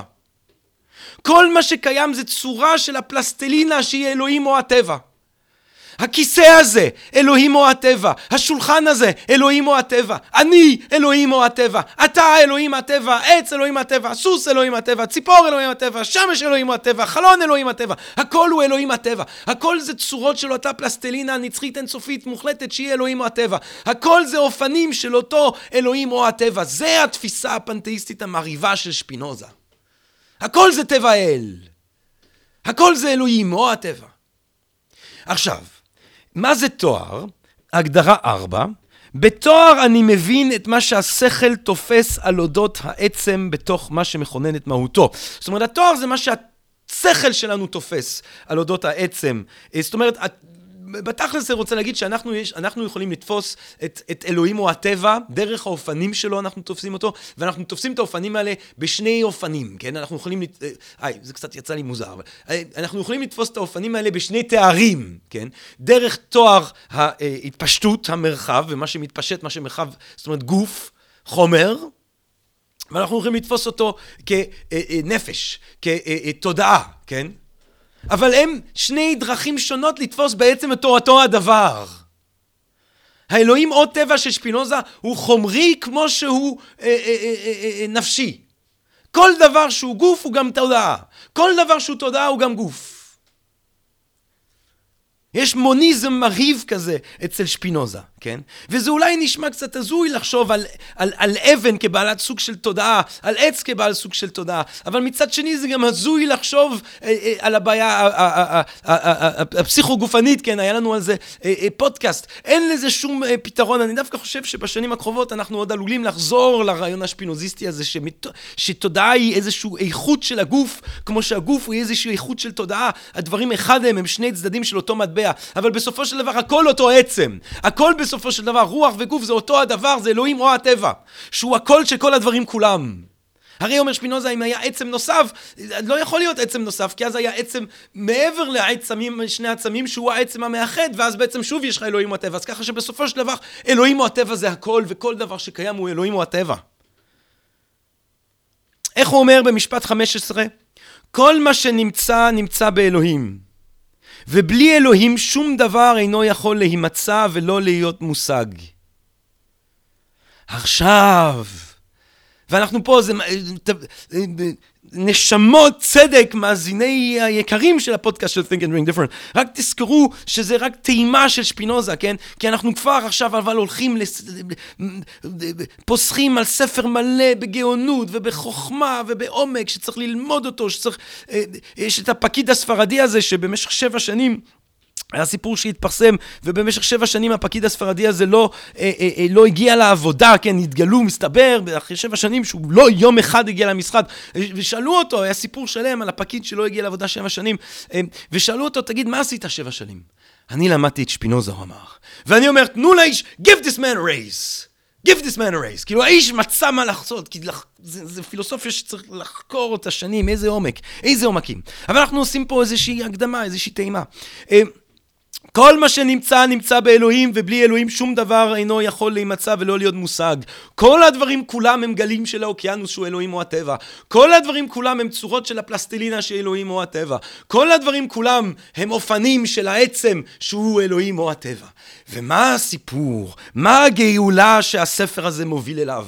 בסופו של דבר, אומר שפינוזה, בסופו של דבר, אומר שפינוזה, אם אני הופך להיות כגל באוקיינוס, מודע להיותי גל באוקיינוס, הרי שאני הופך להיות מרכיב פעיל בתוך המודעות הנצחית של אלוהים את עצמו. הגל שהופך להיות מודע להיותו אוקיינוס, מפתח את התודעה האוקיינית. הוא נהיה אוקיינוס, וזוהי גאולת האדם, גבירותיי ורבותיי. איך אומר הגאון ליאונרד כהן? Unless you become the ocean, you will be seasick every day. כן, אם אתה לא הופך להיות האוקיינוס, יהיה לך מחלת ים כל יום. שפינוזה אומר, תהפכו להיות האוקיינוס. תבינו את עצמכם כאוקיינוס, ותהפכו להיות האוקיינוס, ובאמת לא יהיה לכם את מחלת החיים של המורדות והעליות והכאבים והתסכולים. זאת דרגת ההכרה השלישית. דרגת ההכרה הראשונה, אומר שפינוזה, זה איך שאנשים תופסים את עצמם באופן מבולבל ומעורפל ומטה, כשהם חושבים שהם איזשהו סוג של אינדיבידואים, שהם נפרדים מהקוליות של הדברים כולם. הדרגת ההכרה השנייה, אתה תופס את עצמך רציונלית נכון, אתה מבין את התורה של שפינוזה, ואתה מבין שאתה בסך הכל אופן של העצם שהוא אלוהים או הטבע. אה, ואז מגיע משהו. מגיע משהו שהוא מתחיל לתאר אותו באופן כל כך יפה בספר החמישי של האתיקה. הדרגה השלישית של ההכרה, שבה אתה מתחיל פתאום לחוות את עצמך כנצחי.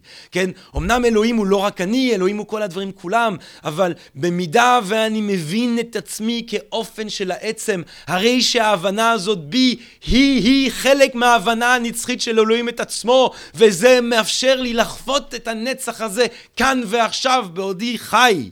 וזה מוביל פתאום לאחר ספר שלם שהוא מאוד מאוד, אה, אני לא רוצה להגיד עצור, יש בו משהו סקפן, יש בו משהו קשוח, ריגידי כזה, בגלל העניין המתמטי, כן? אה, בגלל העניין המתמטי. ופתאום בספר חמש הוא נשמע כמו איזה מיסטיקאי, יש לו רגעים, וזה כל כך מרגש פתאום להגיע, לה, להגיע לחוף המיסטי בעקבות אוקיינוס המחשבה הזה של שפינוזה, וחוף המבטחים היפהפה הזה. יש כל מיני מבקרים שאני לא יודע בדיוק מה הם אה, שתו או מה הם לא שתו. שתו, כן? שטוענים שספר חמש הוא איזשהו סוג של הרפתקה מטאפיזית, טוב, הכל זה הרפתקה מטאפיזית, אבל איזושהי הרפתקה מיסטית לא מוצדקת, ואיזשהו אה, מס שפתיים של שפינוזה לדת בכל זאת, שטויות במיץ עגבניות בעיניי, כן? הוא ידע שהוא לא יפרסם את הספר. איזה מס שפתיים. זה הספר, זה החלק שבו מגיעה גולת הכותרת. זה זה, זה הקראון, הכתר של הפילוסופיה של שפינוזה, כן?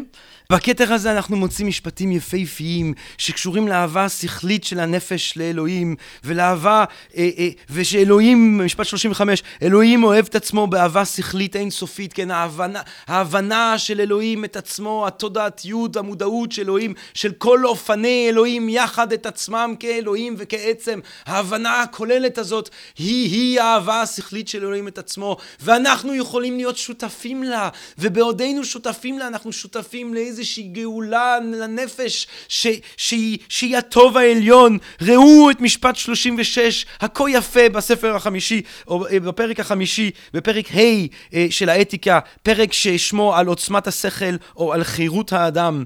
משפט 36 האהבה השכלית של הנפש לאלוהים היא אהבתו של אלוהים עצמו, שבה הוא אוהב את עצמו לא באשר הוא אינסופי, אלא באשר הוא עשוי להיות מובהר על ידי מהותה של נפש האדם, הנידונה מבחינה של נצח, sub specie aeternitatis. הווה אומר, האהבה השכלית של הנפש לאלוהים היא חלק של האהבה האינסופית שאלוהים אוהב בה את עצמו. האהבה השכלית של הנפש לאלוהים היא חלק של האהבה האינסופית שאלוהים אוהב בה את עצמו.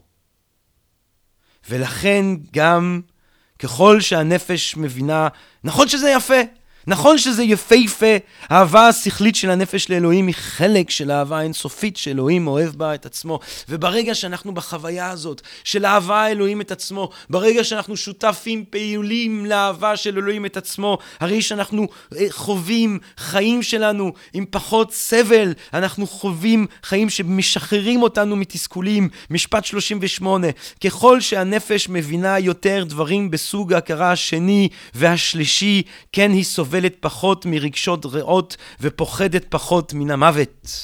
ולא רק זה, פתאום יש גם משפטים מסתוריים ממש. משפט 23 הידוע לשמצה, נפש האדם אינה יכולה להיהרס לחלוטין עם הגוף, אלא נשאר ממנה דבר משהו נצחי.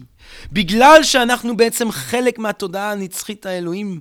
הרי שהתודעה הנצחית האלוהים היא באמת נצחית במובן הזה שהיא אולי על-זמנית, וכעל-זמנית, במידה ואנחנו יכולים להיות שותפים בה. אז המרכיב הזה בנו שהוא שותף לדבר הזה, הוא אף פעם לא, הוא תמיד היה והוא תמיד יהיה, ועל כן אנחנו יכולים לחוות נצח. אני חושב שזה מצח הוריזונטלי, לא ורטיקלי. זאת אומרת, זה לא נצח, זה לא הישארות הנפש אה, במידה הזאת ש, שזהות שלי כאני שורדת, אבל המרכיב בי, שהוא המרכיב של ההבנה של אלוהים את עצמו המושלמת, הדבר הזה הוא נצחי והוא תמיד היה והוא תמיד יישאר. אז יש פה, יש פה, יש פה, זה מרהיב, זה מדהים, צריך ללמוד את זה, תלמדו את זה, תקנו את הספר, לא לפחד לקנות ספרים, לא לפחד לקנות ספר פילוסופיה, לא לפחד לקנות את האתיקה של שפינוזה ולשבת ולקרוא את זה ולהגות בזה, כן? זה יעשה לכם רק טוב. משפט 42, המשפט האחרון של, ה, אה, של האתיקה. ברכת, הגיע הזמן שאני אלמד עברית סוף סוף, כן? אה, ברכת העושר איננה פחס על מעלה טובה, אלא היא עצמה מעלה טובה. ואיננו נהנים ממנה מפני שאנו בולמים את תאוותינו, אלא להפך, כיוון שאנו נהנים ממנה, יש ביכולתנו לבלום את תאוותינו. שוב, ברכת העושר איננה פחס על מעלה טובה, אלא היא היא עצמה מעלה טובה. ואיננו נהנים ממנה מפני שאנו בולמים את תאוותינו, אלא להפך. כיוון שאנו נהנים ממנה, יש ביכולתנו לבלום את תאוותינו. ואז אני אקריא לכם את הפסקה איתה אה, ברוך מסכם. עיון. בכך הבאתי לידי סיכום את כל מה שרציתי להראות בדבר עוצמת הנפש לגבי הרגשות ובדבר חירות הנפש. דברים אלה מגלים מה רב כוחו של החכם, וכמה הוא עדיף מכוחו של הבור, הנדחף למעשיו על ידי התאוות בלבד. כי לא בלבד שהבור מטולטל באופנים רבים על ידי סיבות חיצוניות, ואינו מגיע לעולם לכלל שביעות רצון נפשית אמיתית, אלא הוא חי במעין חוסר מודעות לעצמו, לאלוהים ולדברים, וכאשר הוא חדל לחוש, הוא חדל עם זה להיות. ולעומתו החכם, עד כמה שדנים בו בתוך כזה, כמעט אינו נרעש ברוחו. בתוכו, אלא מודע לעצמו, לאלוהים ולדברים מתוך הכרחיות נצחית מסוימת. אין הוא חדל לעולם להיות, ותמיד הוא חווה שביעות רצון נפשית אמיתית. גם אם הדרך המוליכה לכל זה נראית קשה מאוד, כפי שהראיתי, בכל זאת אפשר להתוות אותה. ואכן, מה שמוציאים לעתים כה נדירות, חייב להיות כרוך במאמצים גדולים. הרי לו גאולת הנפש הייתה מזומנת לנו ויכולנו למצוא אותה בלי עמל רב, איך יכול היה לקחות שכמעט הכל זנחו אותה? אבל כל דבר מעולה הוא קשה כשם שהוא נדיר. וזה, גבירותיי ורבותיי, איך שברוך שפינוזה מסכם את הספר המדהים הזה שלו, האתיקה. יש פה חזון דתי מובהק. לא דת במובן של מוסדות ופוליטיקות מוסדיות, אה, אה, אה, מוסדות דת שלרוב מנוהלות על ידי גברים זקנים עתיקים, הרבה פעמים גם עם כל מיני תסבוכות מיניות כאלה ואחרות, אלא דתיות. החוויה הפנימית, החוויה של מקימי הדתות הגדולות, כן? יש פה רליגיוזיות, דתינות, רוחניות, יש פה מעין מיסטיקה של הרציונליזם, יש פה את העוצמה המיסטית, אבל בחוויה מובהרת, אה, אה, בחוויה אה, שכלית נשגבת שמובילה בסופו של דבר לחוויית הנצח ברגע. יש פה ראייה פיוטית מרהיבה, כן? כולנו, כמו שאומר היינה, מביטים על העולם, אחרי שקראנו את שפינוזה, כולנו מביטים על העולם דרך העדשות האלה שהוא אה, ליטש. אה, ו... מעניין לדבר שנייה על, על, על, על הקבלה של שפינוזה בתרבות, כי הפילוסופים כולם מעריצים אותו, כן? דלוז יגיד נסיך הפילוסופים, אבל עוד בתקופתו הפילוסופים מעריצים אותו, הפילוסופים מבינים שיש פה אה, תודעה ענקית, אבל הפילוסופים הם לא בהכרח תמיד הכי אמיצים, אז מאוד קשה להיות שפינוזיסט, אסור להזדהות כשפינוזיסט. במאה ה-18 בגרמניה יהיה ריב ענק סביב השאלה אה, אה, האם לסינג כן או לא היה חסיד של שפינוזה, כן? זה, זה דבר שהוא, שהוא לא מתקבל בברכה להיות שפינוזיסט. שלא לדבר על תיאולוגים כמובן, כן? שגם אם הם קוראים את שפינוזה בסתר, וגם אם הם בסתר ליבם לא יכולים, כמו אותו תומאסס, אה, אה, כמו הנזיר אה, תומאס אה, אה, אה, סולנוס רובלס, לא יכולים שלא להודות שמדובר בפילוסוף ענק, בטח שהם לא יעיזו להודות, כן? שהכפירות האלה, שהכופר הסופר הזה אה, אה, הוא ענק, הוא ענק של הנשמה. אבל, אבל מי שמיד כאילו מחבק אותו, מי שמיד זועק לגאוניותו, הם כמובן המשוררים, כן? אותו עם שהוא מספיק אה, משוגע כדי לפעמים לומר את האמת. לסינג, גוטה, נובליס, היינה, כן? או, תקראו את התיאורים היפהפיים של היינה, את הפילוסופיה של שפינוזה, כל כך מרגש. קולרידג', שלי ולורד ביירון, כן? מחליטים באיזה לילה שיכור לתרגם את שפינוזה מלטינית לאנגלית. כמובן ששום דבר לא יצא מזה, כן? כמו שאני אוהב להגיד, כדי לתרגם את שפינוזה לאנגלית אתה חייב להיות סאחי לפחות חלק מהזמן. ואולי בין כל המשוררים האלה, שם שיפתיע שם שמרגש, שם שמופיע פה שוב ושוב בפודקאסט הזה, ולא סתם כי הוא, אם נחשוב, אם נחשוב על תחומה לתרבות, לא במובנים של מדע או של פילוסופיה, פשוט נחשוב על תודעה, נחשוב על עומק של תודעה, נחשוב על על, על, על, על, על, על, על היכולת המפליאה האנושית לתת פירות תודעתיים נשגבים, הרי שהמאה ה-20 הוא המאה של אלברט איינשטיין. ואלברט איינשטיין, הענק הזה, הדגול הזה, אה, נשמת הברבור העילאית הזאת, הוא חסיד גדול של שפינוזה. איינשטיין מקיים אה, סמינרים של אה, חברותאים כאלה שלומדים את שפינוזה. איינשטיין כששואלים אותו על דת, הוא עונה שפינוזה, כן? אני מאמין באל של שפינוזה. כששואלים, כששואלים אותו על מדע, למה מעניין אותך מדע? הוא אומר כי אני רואה את פני האל, כן? פני האל, פני היקום כולו, זה ביטוי של שפינוזה לחוקי הטבע. הוא עונה אה, שפינוזיסטי. ואיינשטיין מרוב שהוא אוהב את שפינוזה, הוא אפילו כותב עליו שיר, כן? אה, אה, אה, הוא כותב עליו שיר של... שלשמחתי, כמו שאני תמיד אומר, הוא שיר אה, בינוני. שיר מאוד מאוד בינוני, וזה משמח. אה, לא יודע אם זה משמח, אבל יש בזה נחמה מסוימת שאיינשטיין כותב שירים בינוניים, כי מה אנחנו לעומת איינשטיין? כלום, כלום, כלום, כלום, כלום, כלום, כלום, כלום, כלום, כלום, כלום. חול, אבק, אשליה, אפס, כלום, לעומת איינשטיין. לפחות שהשירים שלו יהיו חרא, לפחות משהו.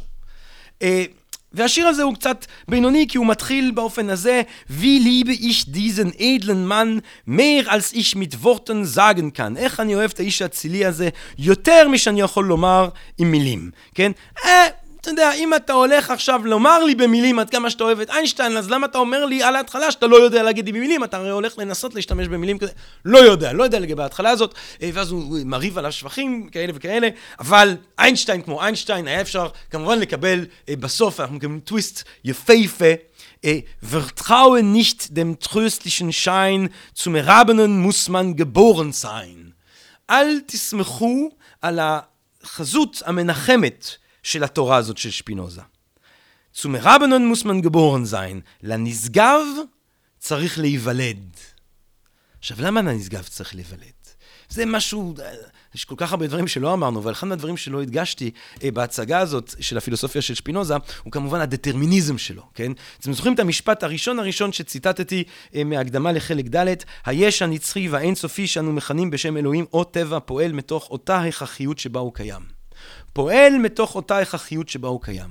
העולם של שפינוזה הוא עולם מכניסטי, הוא עולם דטרמיניסטי לחלוטין. כן, יכול להיות שבגלל שאיינשטיין אימץ את הדטרמיניזם הזה יתר על המידה, היה לו כל כך קשה עם מכניקת הקוונטים. אה, העולם המכניסטי הוא עולם דטרמיניסטי. סיבה תוצאה, סיבה תוצאה, סיבה תוצאה. המציאות כולה פועלת מתוך שרשראות נצחיות של סיבתיות. זה ההכרח שממנו אלוהים או הטבע קיים, וזאת ההכרחיות שבה הוא מתקיים.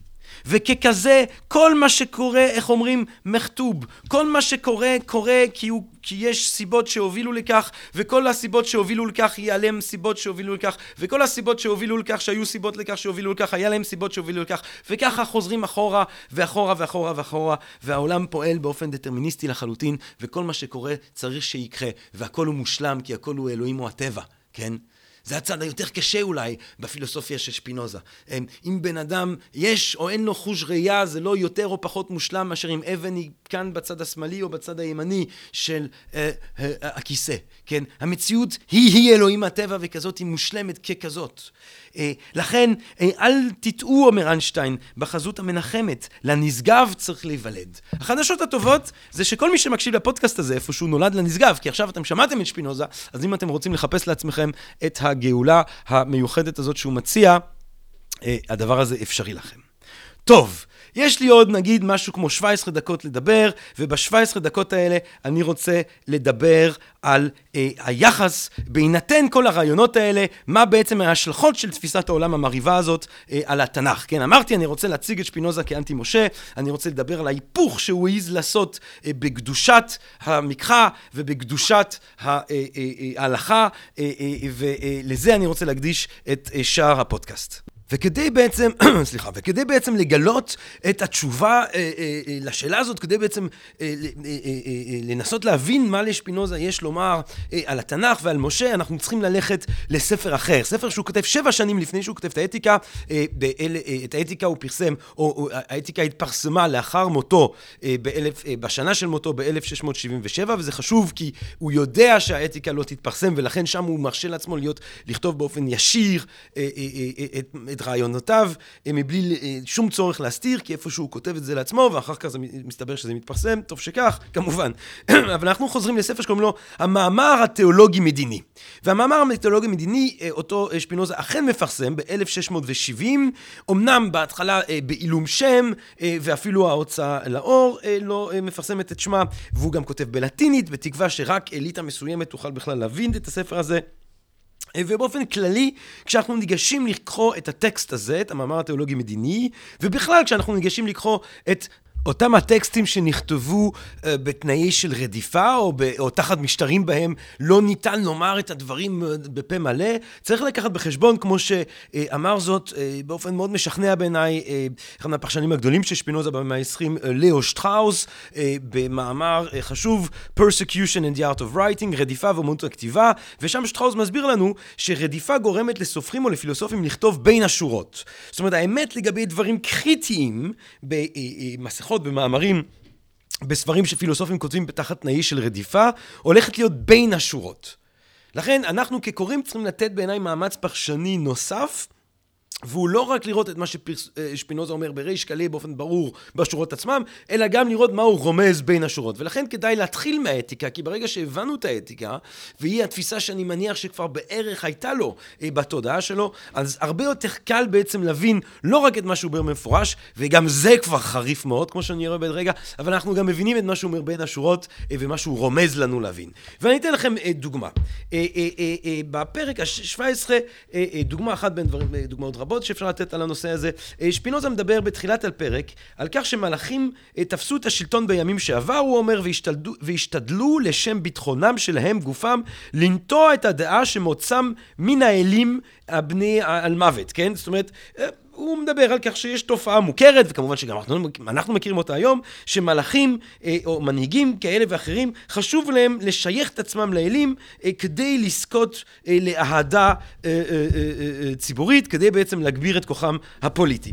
והוא מסביר, הוא מצטט מטקיטוס, ההיסטוריון הרומי הגדול, שמדבר על איך שאלכסנדר מוקדון נקט בטקטיקה הזאת, ובכל מקום שהגיע ניסה לעשות את מה שהוא יכול בעצם כדי לקדם את הדעה שהוא קשור באיזושהי צורה אה, לאל כבן של יופיטר, כן, אה, אה, או כבן של זוס, אני מניח שזה היה אז, אה, ושפינוזה אומר את הדבר הבא ואני מצטט. ומסתבר שעשה את מה שעשה בשיקול דעת, ולא משום גאווה. כפי שמעידה את תשובתו לדברי הגנות של הרמלאוס. הרמלאוס הוא קצין כנראה מה, אה, אה, מהקצונה הגבוהה אה, המקדונית, ופתאום אלכסנדר מוקדון מסתובב לו וטוען לכולם שהוא בן של אל, כן? זה כבר העילגות שלי, זה לא, אני לא מצטט כבר את שפינוזה. ונמאס לו, בואנה, אלכסנדר, אני גדלתי איתך, אנחנו נלחמנו ביחד, נאבקנו ביחד, מכיר אותך מאז גיל עשר, מה פתאום אתה עכשיו בן של אל? מה זה השטויות האלה? וזה שפינוזה מספר לנו מה שאלכסנדר מוקדון עונה לאותו הרמלאוס. אני מצטט: הלא כמעט מגוחך היה הדבר אשר דרש ממנו, ממני הרמלאוס כי, יפ, כי יפנה עורף ליופיטר שנבואתו מכירה בי? האם תשובות האלים אף הן ברשותי? שואל אלכסנדר מקדון.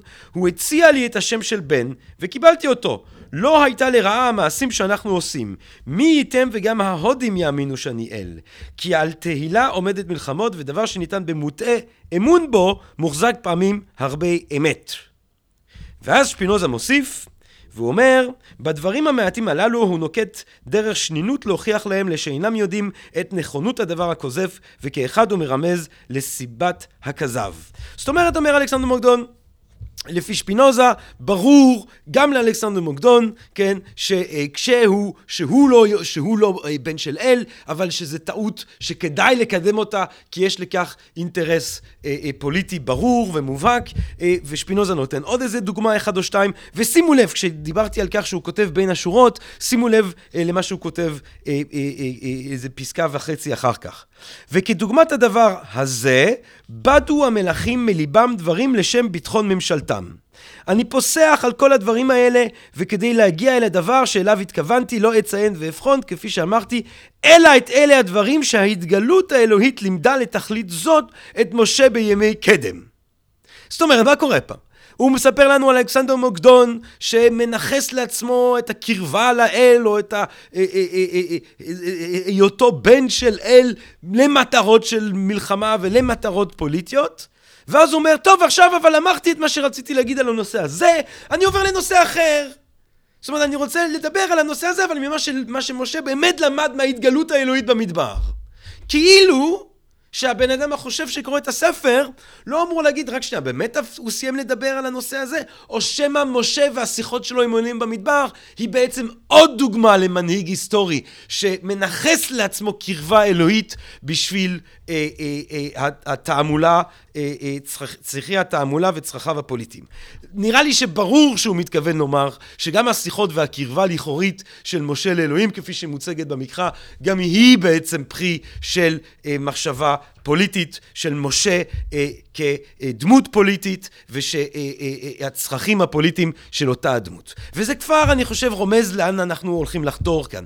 כי הגאונות של שפינוזה, נכון? מבחינתו כל מה שיש זה אלוהים או הטבע. אז ככה שהדמות הזאת במקרא של אלוהים שהוא מחוץ לטבע ושמתערב אה, אה, אה, אה, אה, אל תוך הטבע ועושה ניסים ונפלאות ומדבר עם כל מיני אנשים באופן ישיר, כמו שבפשט של המקרא הדברים מתוארים, הדבר הזה מבחינתו אה, לא קיים ולא היה ולא נברא.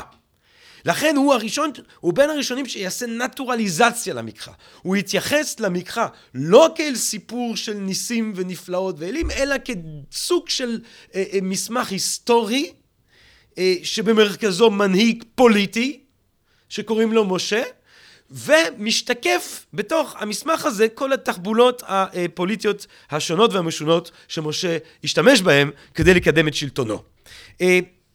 אה, זה המשה שמשתקף, או בין השאר, במאמר התיאולוגי-מדיני. הוא כמובן עוסק בספר הזה בעוד הרבה מאוד נושאים. בכלל הספר הזה בא לקדם את האפשרות של חברה חופשית, של חופש דת, של חופש הדעת, והוא מאמר תיאולוגי-מדיני, כי שפינוזה חי בתקופה שאם אתה רוצה לקדם אג'נדה פוליטית, אתה צריך לעשות את זה דרך דיון תיאולוגי. כן? תדמיינו מצב שמאה עשרים חברי, חס וחס, כן, אלוהים ישמור שמאה עשרים חברי כנסת אה, אה, נמצאים שם בטענה שהם מייצגים בעצם את הרוח של המקרא. אם בכנסת כזאת אתה רוצה לעשות שינוי פוליטי, הרי שאתה צריך להסביר אותו ולתקף אותו דרך שינוי תיאולוגי. על כן, מאמר תיאולוגי מדיני. אה, ובפרק הראשון על הנבואה, אה, שפינוזה יגיד שהנבואה היא תרגום לגילויים אלוהיים לאלה שאין בכוחם להגיע לידי הכרה ודאית של הדברים שגילה אה, אלוהים לפיכך יכולים הם רק בעצם לקבל את האמונה ולקבל את הדברים שנגלו אה, אה, אה, אה, ביד שנייה. זאת אומרת, הנבואה... הרי ומה מה פה בין השורות? ההתגלות האלוהית הברורה המובהקת, תיקחו את האתיקה. תעברו שם על הניסוח ועל הדיווח המתמטי המרהיב ששפינוזה מציע באתיקה. אבל הנבואה זה בעצם בא להמונים, לתת להמונים סיפורים אה, אה, שהם יכולים להבין, כן, אם אתה באמת רוצים, רוצה להבין את אלוהים, אז אתה צריך להבין אותו אה, אה, אה, אה, ללא שום קשר לאף סיפור ולאף נרטיב, אתה מבין אותו בדרך הגיאומטרית ששפינוזה דוגל בה, אה, אה, אבל זה רק למעטי המעטים שיכולים לפתח את התבונה שלהם באופן כזה שהם יכולים להבין את זה. לשאר אנשים, כדי שיתנהגו וכדי שיקבלו איזשהו סוג של מושג לגבי חיים ראויים. אתה מספר להם סיפורים, הסיפורים האלה אה, זה מה שהנביאים סיפרו. אה, בפרק השני, הנביאים, אה, שפינוזה אומר שהנביאים לא היו מכוננים ברוח שלמה יותר, זאת אומרת לא היו חכמים יותר, לא, לא היה להם תבונה בצורה יוצאת דופן, אם כי היה להם כוח מדמה ער יותר. כן? עכשיו, והגאונות של שפינוזה זה שהוא כל הזמן הולך לתקף את הטיעונים הכפירתיים האלה על בסיס אה, אה, של ציטוטים ופסוקים אה, מהמקרא. כי כמובן ששפינוזה יודע ומכיר את המקחה הרבה יותר טוב לפחות של הפילוסופים הלא יהודים והאינטלקטואלים הלא יהודים אה, אה, שאיתם בעצם הוא מתפלמס ומתכתב בספר הזה. אה, ולכן הוא כל הזמן הולך להביא ציטוטים אבל האירוניה השטנית של, של הציטוטים האלה הוא לא מצטט את המקחה כי יש למקחה מבחינתו איזושהי סמכות אינטלקטואלית או רוחנית עילאית. להפך כן? הרי אנחנו יודעים שאין לה את הסמכות הזו בעיניו. הוא כל הזמן מצטט מהמקחה אה, כי זה מה שיש, זה מה שהוא בעל סמכות בעיני האנשים שאיתם, אה, שאותם הוא מבקש לשכנע. אה, אבל האירוניה היא שהוא כל הזמן מצטט מהמקרא כדי בעצם לחתור מתחת לסמכות שלה. כן? אירוניה גאונית. אה, לכן למשל כשהוא מדבר על זה שהנביאים הם לא בהכרח יותר חכמים מאנשים אחרים, אז הוא אומר תראו את שלמה, כן? שלמה לפי המקרא הוא החכם מבן אדם, אבל זה לא בגלל נבואותו, כן? שהוא החכם מבין הבן אדם. זאת אומרת זה, זה, ש, זה שיש לו, אה, אה, זה שהוא שומע את דבר האל, אז בסדר, יש עוד נביאים ששומעים את דבר האל. אבל, אבל שלמה הוא החכם מבין אדם מסיבות אחרות, כך שגם לפי המקרא הנביאים הם לא בהכרח הכי חכמים. בפרק השלישי, שהוא אחד מהפרקים המדהימים בספר הזה, קוראים לו על הח... אה, אה, הספר השלישי הוא על אה, בחירת העברים והאם הייתה מתת הנבואה מיוחדת לעברים, כן? זאת אומרת, אנחנו עוסקים בסוגיית היהודים כעם נבחר. שימו לב למשפט הראשון, למשפט הפותח של שפינוזה באותו פרק. ההצלחה האמיתית והאושר של כל איש הם אך במה שחלקו בטוב. ולא בתהילה זו כי הוא לבדו ולא כל זולתו חלקו בטוב. כי החושב את עצמו מאושר יותר לפי שטוב לו בלבד ולא לזולתו, או לפי שהוא מאושר יותר ומצליח יותר משאר הבריות, הרי שאינו יודע הצלחה אמיתית ואושר מהם. כן? מה זה לא מדהים? תראו איזה יופי. ההצלחה האמיתית והאושר של כל איש הם אך במה שחלקו בטוב ולא בתהילה זו כי הוא לבדו ולא כל זולתו חלקו בטוב. זאת אומרת, מה משפינוזה אומר כאן? הוא מתחיל לדבר על הרעיון של עם נבחר אה, אה, אה, ובעצם רואה בו איזשהו סוג של מנגנון פסיכולוגי של חוסר פרגון, כן? כשאנחנו עוסקים באושר האמיתי, העילאי, הגאולתי, הרי שהאושר הזה הוא לא עושה, הוא לא טוב לי בגלל שרק לי יש. זה נכון לכל מיני אשליות של אושר. אם אני קונה ג'יפ אה, לבן ענק באזור אורבני מאיזושהי סיבה, ואני חוזר הביתה אה, ואני שם לב שכל הרחוב קנה את אותו ג'יפ, אז אני אתבאס, כי הרי קניתי את הג'יפ כדי אה, אה, אה, אה, להתנסות פה על כולם, ואז מסתבר שלכולם משתתפים, זה מוריד את האושר שלי. אבל זה לא האמת, ככה, ככה לא יכולה לתפקד אה, אושר וגאולה אה, רוחנית עילאית. בודה לא מגיע להערה מתחת לעץ הבודי, אה, לארץ הבודי סלבה שם, אה, הוא לא מגיע שם להערה מתחת לעץ, אה, ואז מסתיר את עצמו כדי שחס וחס לאף אחד אחר לא תהיה את אותה הערה, כי אז זה יוריד ממני, כן? עצם זה שיש דינמיקה כזאת, מצביע, רומז לנו שפינוזה, על כך ש... הרעיון הזה של עם נבחר הוא לא קשור בגרוש לשום תופעה רוחנית אה, נשגבת באמת. ובפרק הזה הוא הולך לטעון שוב ושוב ושוב שבעצם אה, לפי המקחה עצמה, שוב עם האירוניה הזאת שלו, הבחירת העברים היא בחירה פוליטית. זאת אומרת, כשכתוב עם נבחר, הכוונה היא שזה עם שנבחר לקיים ריבונות אה, אה, עברית יהודית במשך כמה מאות שנים. עובדה הוא אומר שכל פעם שאלוהים מאיים על עם ישראל בגלל שהעם לא מתנהג, הוא לא מאיים עם איום רוחני, אתם לא תגיעו לגאולה לנשמותיכם, אתם לא תמצאו את העושר העילאי, את ברכת האדם. אלוהים כל הזמן מאיים עם עונשים פוליטיים, אתם תאבדו את הריבונות אה, אה, שיש כאן. המדינה תיפול, כן? אתם תצאו לגלות, אלה הם, הם בעיות ועונשים פוליטיים, לכן הבחירה היא פוליטית. בין השורות, אני חושב שמה ששפינוזה אומר, זה שעם היהודי, העם היהודי נבחר אה, אה, אה, לקיים את הריבונות הפוליטית העברית, היהודית, ובין השורות, הסינים הם עם נבחר במובן הזה שהם מקיימים את הריבונות הסינית, והבלגים הם עם נבחר כי הם מקיימים את הריבונות הבלגית, והצרפתים הם עם נבחר כי הם מקיימים... כולנו נבחרים באותה מידה, אם זה ההגדרה שלו לעם נבחר כמובן, אבל זה בין השורות. עוד איזה רגע עילאי אה, קורה בסוף אותו הפרק, בסוף פרק ג', כן? ואני תמיד אומר שאם... אה, הקדוש ברוך הוא קיים אה, אה, אה, כמו שהוא אמור להתקיים באופן מסורתי, ואם יש לו חוש הומור, זה כבר הרבה אימים, הרי שהוא עושה פה איזה בדיחה על שפינוזה, כי כאילו בסוף הפרק אומר, אה, אתה אמרת בפרק אחד ובפרק שתיים שאין נבואה ואין נביאים ואתה יורד לנו פה על הזה, אז אני אשים בתוך הספר שלך נבואה שהיא מדויקת להפליא. כי שימו לב מה שפינוזה אומר פתאום בסוף אה, הפרק. הוא קודם כל אומר שגם אם היהודים יפסיקו לקיים את החוק הטקסי שלהם, מספיק שיקיימו רק את הברית מילה, והדבר הזה אה, אה, יבדיל בינם לבין שאר העמים לעולמים. תראו מה הוא אומר, אני סבור כי ברית המילה, יש לה בנידון זה השפעה גדולה כל כך, עד שאני משוכנע כי היא לבד תקיים את העם הזה לעולמים.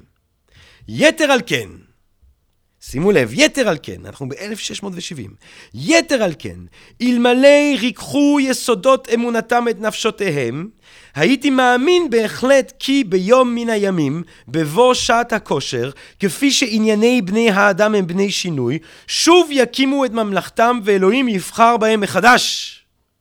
שפינוזה מדבר את הציונות. ואיזה דיוק הוא מנבא אותה. כשהוא דיבר על, הוא אומר, אלמלא ריככו יסודות אמונתם את נפשותיהם. ועוד מעט אנחנו נראה למה הוא חושב שיסודות אמונתם, דהיינו ההלכה, אה, אה, אה, אה, אה, מרככת את נפשותיהם. אבל אם הדבר הזה לא היה קורה, הם היו עוד מקימים את המדינה שלהם מחדש. עכשיו, בוא נשים את שני המשפטים האלה ביחד, כן? הוא אמר, ברית מילה זה מספיק כדי אה, שיהודים יהיו מובדלים, ואם אה, לא הייתה להם ההלכה, הם היו יכולים אה, שיהיה להם את הכוח כדי להקים את המדינה. מי הקימה את המדינה הזאת? מאיפה התנועה הזאת צצה? מיהודים של ברית מילה. זאת אומרת, הרצל כבר אין לו שום הלכה, כבר אין לו יסודות של האמונה היהודית, אין שום דבר שלפי שפינוזה מחכך את, הנשמה, את הנפש שלו, כן? אבל כן יש לו ברית מילה, זאת אומרת, וכן הברית מילה הזאת אה, הבדיל אותו, כן, אה, משאר העמים. אה, ואותם יהודים חילונים, יהודים של ברית מילה, הם אלה שאשכרה הלכו והקימו את המדינה. זאת אומרת, שפינוזה צדק לחלוטין 200 שנה לפי כינון בכלל של, ה, אה, אה, של הציונות הפוליטית. הוא צדק לגמרי לגבי האפשרות של הדבר הזה, וזה בגלל שהוא בעצם קורא את התנ"ך בנקודת זווית נטורליסטית, והוא רואה פה סיפור פוליטי, הוא רואה פה מתח פוליטי, והוא מזהה פוטנציאל פוליטי בתוך העם היהודי, פוטנציאל שאף אחד עדיין לא באמת הבין כמו ששפינוזה הצליח להבין אותו. גאונות, גאונות, גאונות, גאונות, גאונות, גאונות. טוב, אנחנו מתקרבים כאן לשיא. בפרק הרביעי, שהוא פרק ש... ש אני, אני, זה פרק שאני תמיד אוהב נורא ללמד, כמובן שאני לא, אני לא אכנס לזה עכשיו, אבל, אבל כי זה דוגמה מופת של בהירות מחשבה וצלילות דעת פילוסופית על החוק האלוהי, אה, כאשר שפינוזה הולך לדבר על כך שחוקים הם או אה, אה, חוק כשלעצמו, זה מציין את הדבר שעל פי כל פחת בין כל אחד ואחד ובין אחדים מפחת זה המין פועל תמיד בדרך אחת מסוימת יש חוקים שהם תלויים בהכרח של הטבע, יש חוקים שהם נובעים מתוך החלטות בני אדם, וזה הוא אומר למרות שהוא מיד מוסיף שהוא מודע לזה שהחלטות בני אדם גם הם חלק מההכרח של הטבע, אבל הוא רוצה לדבר על אותם חוקים שהם אה, אה, אה, נובעים מהחלטות בני אדם, אה, אה, והוא רוצה, אה, אה, והוא חושב שזה לגיטימי לעשות את זה אה, בגלל שבני אדם גם הם בסופו של דבר חלק מהטבע, ובני אדם הם הגורם הקרוב לחוקים שהוא רוצה לדבר עליהם, אה, ו, ו, ואז יש לו משפט מאוד יפה שבו הוא אומר שגם אם העולם פועל באופן דטרמיניסטי פמיניסטי לחלוטין, אין לנו ברירה אלא לראות את עצמנו כחופשיים בו, כן? כי אנחנו הרי לא יודעים לאן הדברים מתגלגלים. אה, גם אם הם תמיד היו אמורים להתגלגל לאותו כיוון. אבל טוב, זה סיפורים מאוד מורכבים, ובאמת אולי קצת אני, אני, אני, אני מגזים כאן, כי זה דברים שצריך לקרוא אותם בסבלנות ובמאמץ. אבל שפינוזה בעצם בפרק הזה לא רוצה לעסוק בחוקי טבע. כן? הוא אומר עוד איזה משהו, הוא אומר משהו גאוני, הוא אומר בכלל חוקי טבע, כשאנחנו משתמשים במונח חוק בנוגע לטבע, אנחנו משתמשים במונח שהוא השלעה מהעולם האנושי. וזה הברקה, הוא אומר את זה באיזה תת משפט שם, אבל זה הברקה. זאת אומרת, מה זה רוצה להגיד? זאת אומרת שמבחינתו, קודם כל היו חוקים אנושיים. היה איזה גילגמש אחד שאמר, אף אחד לא נוגע אה, אה, אה, אה, אה, בשדות שלי, ואף אחד לא מתקרב לארמון שלי, ואז כל בני אדם פועלים לפי אותו הסדר, ואנשים הבינו שיש חוק ומצייתים לחוק, ואז הם התחילו לשים לב ל, אה, אה, לסדר בטבע, כן? הקיץ מגיע בצורה מוסדרת, אה, וכל פעם ש, ש, שמגיע הסתיו, אז גם מגיעים גשמים, אז הם אומרים, הנה, כמו שיש חוקים ששולטים את ההתנהגות של בני אדם, יש גם חוק, חוקים ששולטים על הטבע. אבל למה שפינוזה מתנגד אה, לאנלוגיה הזאת, ולמה הוא חושב שהוא חלשה? כי כשאתה מניח חוק, אתה גם מניח מחוקק. וכמובן שמבחינת שפינוזה אין מחוקק, כן? חוקי הטבע הם לא חוקים במובן שחוקי, אה, אה, חוק הלאום הוא חוק. כי חוק הלאום אפשר להפר אותו, כן? חוק הטבע אתה לא יכול להפר. אתה לא יכול לציית לו, אתה יכול להפר אותו, הוא פשוט ישנו. כן? לכן במכתב לג'ורג' שולור הוא אומר, אה, כשהוא מדבר על חוקי הטבע, שהם פני היקום כולו. פני היקום כולו, הם פשוט פני הדברים. פני היקום כולו, בשביל שפינוזה זה פני האל. וכששואלים לאיינשטיין, שציינתי אותו מקודם, כששואלים את איינשטיין למה אתה עושה פיזיקה, כי אני רואה את פני האל. בום, תשובה, תשובה שפינוזיסטית, תשובה שפינוזיסטית. על כן, שפינוזה הולך לדבר על החוק האלוהי כחוק אנושי. זאת אומרת, זה חוק שבני אדם מחוקקים. זה אורך חיים שבני אדם מאמצים לעצמם או לאחרים, אה, אה, אה, שמוביל לאיזושהי תכלית. אם החוק מוביל לביטחון המדינה, מדובר במה שהוא קורא לו חוק אנושי. אם החוק מוביל לידיעת האל, כמו באתיקה, הרי שמדובר בחוק אלוהי. עכשיו, החוק האלוהי הזה, אומר שפינוזה, יש לו כמה מאפיינים. הוא אוניברסלי, כי הוא מבוסס על התבונה, אז הוא תקף לגבי כל בני אדם באותה צורה. מישהו בסין שקורא את האתיקה יכול להגיע לגאולה כמו מישהו בדרום אפריקה, כמו מישהו בישראל, כמו מישהו באנגליה. אין לזה שום קשר אה, ללאום או, ל, אה, או לאתניות כלשהי. אה, אה, החוק האלוהי הזה, הוא לא זקוק לשום טקסים, הוא מבוסס על התבונה, לא צריך לעשות שום ריטואל ושום טקס, אה, לא צריך שום אה, אמונה אה, נרטיבית אה, אה, כדי לתקף אותו, לא, זאת אומרת, לא צריך אף סיפור, לא על משה ולא על ישוע ולא על סבתא שלך או סבא שלי. לאחרונה, כמו שהוא אמר בסוף של האתיקה, שהוא הפחס של עצמו, החוק האלוהי עצמו, כן, קיום החוק האלוהי, זאת אומרת, קיום אותה, אותו מאמץ תבוני שמוביל לה, להיות משותף להווה את עולים את עצמו, זה הפחס שלו עצמו, אתה לא מקבל על זה פחס אחר כך בגן עדן כלשהו, זה הפחס עצמו, כן? עכשיו, מכל כל מה שהוא אומר, ברור, ברור לחלוטין, שהחוק שמשה חייב את עם ישראל לציית לו, הוא רחוק מאוד להיות מה ששפינוזה חושב עליו כחוק אלוהי. הוא חוק אנושי. הוא חוק שבעצם מבחינת שפינוזה בא לקיים סדר פוליטי מסוים. וזה הוא הולך בעצם להסביר בפרק החמישי, שאיתו אני רוצה לסיים את הפודקאסט הזה. על הטעם למה נקבעו טקסי הקודש ועל אמונת סיפורים, דהיינו משום מה ולמי היא נחוצה. טוב, אנחנו לא נדבר על החלק השני, על אמונה, סיפורים וזה, למרות שזה מעניין, אבל אני רוצה לדבר על הטעם ולמה נקבעו טקסי הקודש, על בעצם ההלכה. החוק הטקסי הזה, המצוין בברית הישנה, הפרטיקולרי, זאת אומרת שהוא תקף רק ליהודים, לא קשור לחוק האלוהי, נכון? אמרנו החוק האלוהי הוא אוניברסלי, הוא כללי, הוא תקף לסינים ול, ו, ולסעודים ול, ולצ'יליאנים ולאוסטרלים, ו, ו, ו, והחוק היהודי הוא תקף רק ל, ל, לעברים. כבר זה מראה שזה לא החוק האלוהי, זה לא אורח חיים שמוביל לתכלית שהיא אהבת האל, אלא זה אורח חיים שמוביל על זה שיש איזושהי ריבונות פוליטית שיכולה אה, לתחזק את עצמה. כן?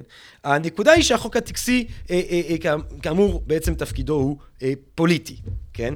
ושוב, הוא חוזר על טענה שהוא אומר גם בפרק שלוש, עובדה היא ששום דבר חוץ מקיום הממלכה לא מובטח תמורת קיום חוק זה לעם ישראל. אבל השאלה שהוא שואל, והיא שאלה מבריקה, למה החוק הטקסי הזה כל כך יעיל מסיבה פוליטית? כן, אם זה חוק פוליטי, מה, מה סוד היעילות של אותו החוק, של אותה הלכה יהודית? אז שפינוזה הולך להתחיל ולהסביר שבעצם אה, אה, אפשר לקיים שלטון או אה, שלטון שוויוני שכל, שבו כל בני האדם בעצם מחליטים יחדיו על בסיס התבונה שלהם מי ישלוט עליהם. ושפינוזה הוא אחד מהפילוסופים הגדולים הראשונים שהם דמוקרטים אחד מהראשונים שהוא מאמין בדמוקרטיה. זאת אומרת, הוא חושב שבסופו של דבר כדאי שיהיה לך אה, אה, עם שהוא מספיק אה, מתורבת ומחונך כדי שהוא יוכל אה, לשלוט על עצמו. הבעיה היא, כמובן, שאם יש לך עם שאין לו את האפשרות לעשות את זה, שהוא עם חסר תרבות, חסר חינוך, עם עם כזה אי אפשר לקיים דמוקרטיה, כן? אתה מקיים דמוקרטיה עם עם כזה, הם יצביעו לדונלד טראמפ. אה, אה, אה, למשל. ואם לא מקיימים דמוקרטיה, אם יש בעצם שלטון שהוא ביד של אדם יחיד, אז אומר שפינוזה, לאדם הזה כדאי מאוד שיהיה לו סגולות שמרוממות אותו מעל העם, או לפחות שהוא יצליח לשכנע את העם שהוא כזה. עכשיו אומר שפינוזה, תראו, אותם יהודים שיצאו ממצרים, זה לא היה האוהוי פולוי הזה, הערב רב הזה, כן, העמך הזה, לא היה אפשרות לקיים איתו דמוקרטיה, כן? הם היו, כמו שהוא אמר, כמעט כולם היו נעדרי תרבות הרוח ושטופי עבדות עלובה. הם באים מ-400 שנה של עבדות, אין שם תרבות, אין שם חינוך. אה, עם הדבר הזה אתה לא יכול לקיים אה, דמוקרטיה. ולכן משה, כן, ומן הסתם משה, כאמור, יש לו את הטריק הזה של אלכסנדר מוקדון, הוא מצליח, כן, לגרום להם לחשוב אה, שהוא אלוהי, או שהוא נשגב להם וכולי, מבין שהוא צריך באמת לקיים שם שלטון יחיד. הבעיה היא שמדובר גם בעם שהוא נורא קשי עורף. זה עם קשי עורף היהודים. אנחנו עם קשי עורף, אנחנו היהודים. אנחנו קשי עורף. ויש לזה יתרונות, יש לזה דברים נורא... כמי שפעם מלצר בים, אני מלצרתי בים אה, אה, באיזה קיץ, ו, ובים כשאתה ממלצר ביום שבת, אתה צריך לבקש מאנשים שמתיישבים, אה, שיאכלו רק אוכל שהמסעדה אה, מוכרת לך, כן? ויש בזה, זה מגוחך, כי בעיניי זה גם מגוחך, כי הים הרי הוא צריך להיות ציבורי וכולי וכולי, אבל זה מה שמבקשים ממך כמלצר לעשות. אז אתה בא למשפחה, וכמובן שהמשפחות, הם לא שמים פס על החוקים, הם באים... עם צייתניות וכל האוכל של שישי, והסבתא מציעה לך, אה, אה, אה, והסבתא מציעה לך ג'חנון, ואז אתה אוכל את הג'חנון כי הוא נורא טעים, ואז אתה כבר בעצם הושחדת, ואז אתה נותן להם, ואז הם מזמינים קולה, ויש ויכוחים אינסופיים על כן ולא, והם מזמינים צ'יפ, זה מספיק טוב, וזה נורא יפה, ואותי זה נורא שימח, כי הרגשתי ביציאת מצרים עם עם קשי עורף, כן? עם קשי עורף. אתה יודע, לגרמנים אתה אומר להם אל תאכלו בים, רוב הסיכויים שיצייתו. אחר כך הם גם מצייתים לכל מיני דברים אחרים, אז יש לזה חסכונות. אני לא אומר טוב או רע, אבל זה עם קשה עורף, ומשה מבין שזה עם קשה עורף. וכדי להשתלט על העם הזה קשה עורף, אז הוא בעצם מחדיר להם את הרעיון הזה שהוא בא והוא מייצג את אלוהים. והוא עושה את זה מכל מיני סיבות. קודם כל הוא מבין שעוד מעט יהיה כיבוש הארץ. הוא מבין שעוד מעט צריך לכבוש ארץ כדי לקיים שם את הריבונות העברית, ואומר שפינוזה, הפסיכולוג הדגול הזה, אה, אה, אה, אה, אנשים נלחמים תמיד יותר טוב למען אלוהים מאשר מתוך פחד. כשאתה נלחם מתוך פחד, כמו אותם אומללים במלחמת העולם הראשונה, אז בכריסמס הראשון, כשקצת לא שמים לב, הם יצאו וישחקו כדורגל ובעצם לא ירצו בכלל להילחם, כן? אה, אה, אם אתה נלחם למען אלוהים, כשאתה נלחם למען אלוהים, כמו דאעש, אז כריסמס או רמדאן או מה שלא יהיה, אתה תילחם עד הסוף. להילחם למען אלוהים זה חיילים הרבה יותר... אה, בעלי מוטיבציה, רעל. הרבה יותר מורעלים למען אלוהים מאשר מתוך פחד. אה, זה דבר ראשון שמשה אה, מבין ועל כן הוא צריך אה, לתת להם את כל הסיפור הזה האלוהי. זאת ועוד, כדי להשליט את המרות שלו באופן מוחלט על העם קשה עורף הזה, משה מחוקק חוקים ששולטים על כל מעשיהם, על כל מעשיהם. והנה הציטוט החמור ביותר בעיניי בספר הזה, וציטוט שעד היום הוא, הוא מקומם. תראו איזה ציטוט, איזה כוח. ובאחרונה, כדי שהעם שלא יכול היה לעמוד ברשות עצמו יהיה תלוי במוצא פי המושל. לא התיר להם לאנשים המורגלים בעבדות לעשות שום דבר כראות עיניהם שהרי לא היה בידיהם לעשות כל דבר בלא שיחויב תוך כך לזכור את החוק ולקיים מצוות שהיו תלויות ברצון המושל. משה דהינו בלבד כי לא כראות עיניהם, אלא לפי פקודה ידועה וקבועה של החוק מותר היה לחרוש ולזרוע, לקצור, וכן לא היה מותר לכל דבר מה, ולא ללבוש ולא לגלח את שערות הראש או הזקן, ולא לשמוח, ובכלל לא לעשות כל דבר אלא לפי הפקודות והמצוות הכתובות בחוקים. ולא זו בלבד, אלא הוטל עליהם שיהיו להם אותות מסוימים על מזוזותיהם, ידיהם ובין עיניהם, למען יזכרו תמיד את חובת הציות. זאת הייתה אפוא מטרת טקסי הקודש, שלא יעשו הבריות דבר לפי החלטתם הם, אלא הכל יעשה במצוות זולתם, ויודו בכל מעשיהם ומחשבותיהם שאינם עומדים כלל וכלל ברשות עצמם, אלא תלויים לגמרי ברשות זולתם. מכל האמור ברור כשמש, כי אין לטקסי הקודש ולא כלום לעושר, וכל טקסי הקודש שבברית הישנה, ואפילו כל תורת משה לא נתכוונו אלא לממלכת העברים, ומכאן שלא נתכוונו אלא לתועלת הגוף. בום! מה שפינוזה בעצם אומר כאן, גבירותיי ורבותיי, איזה חריפות! אלוהים ישמור! מה שפינוזה בעצם אומר כאן?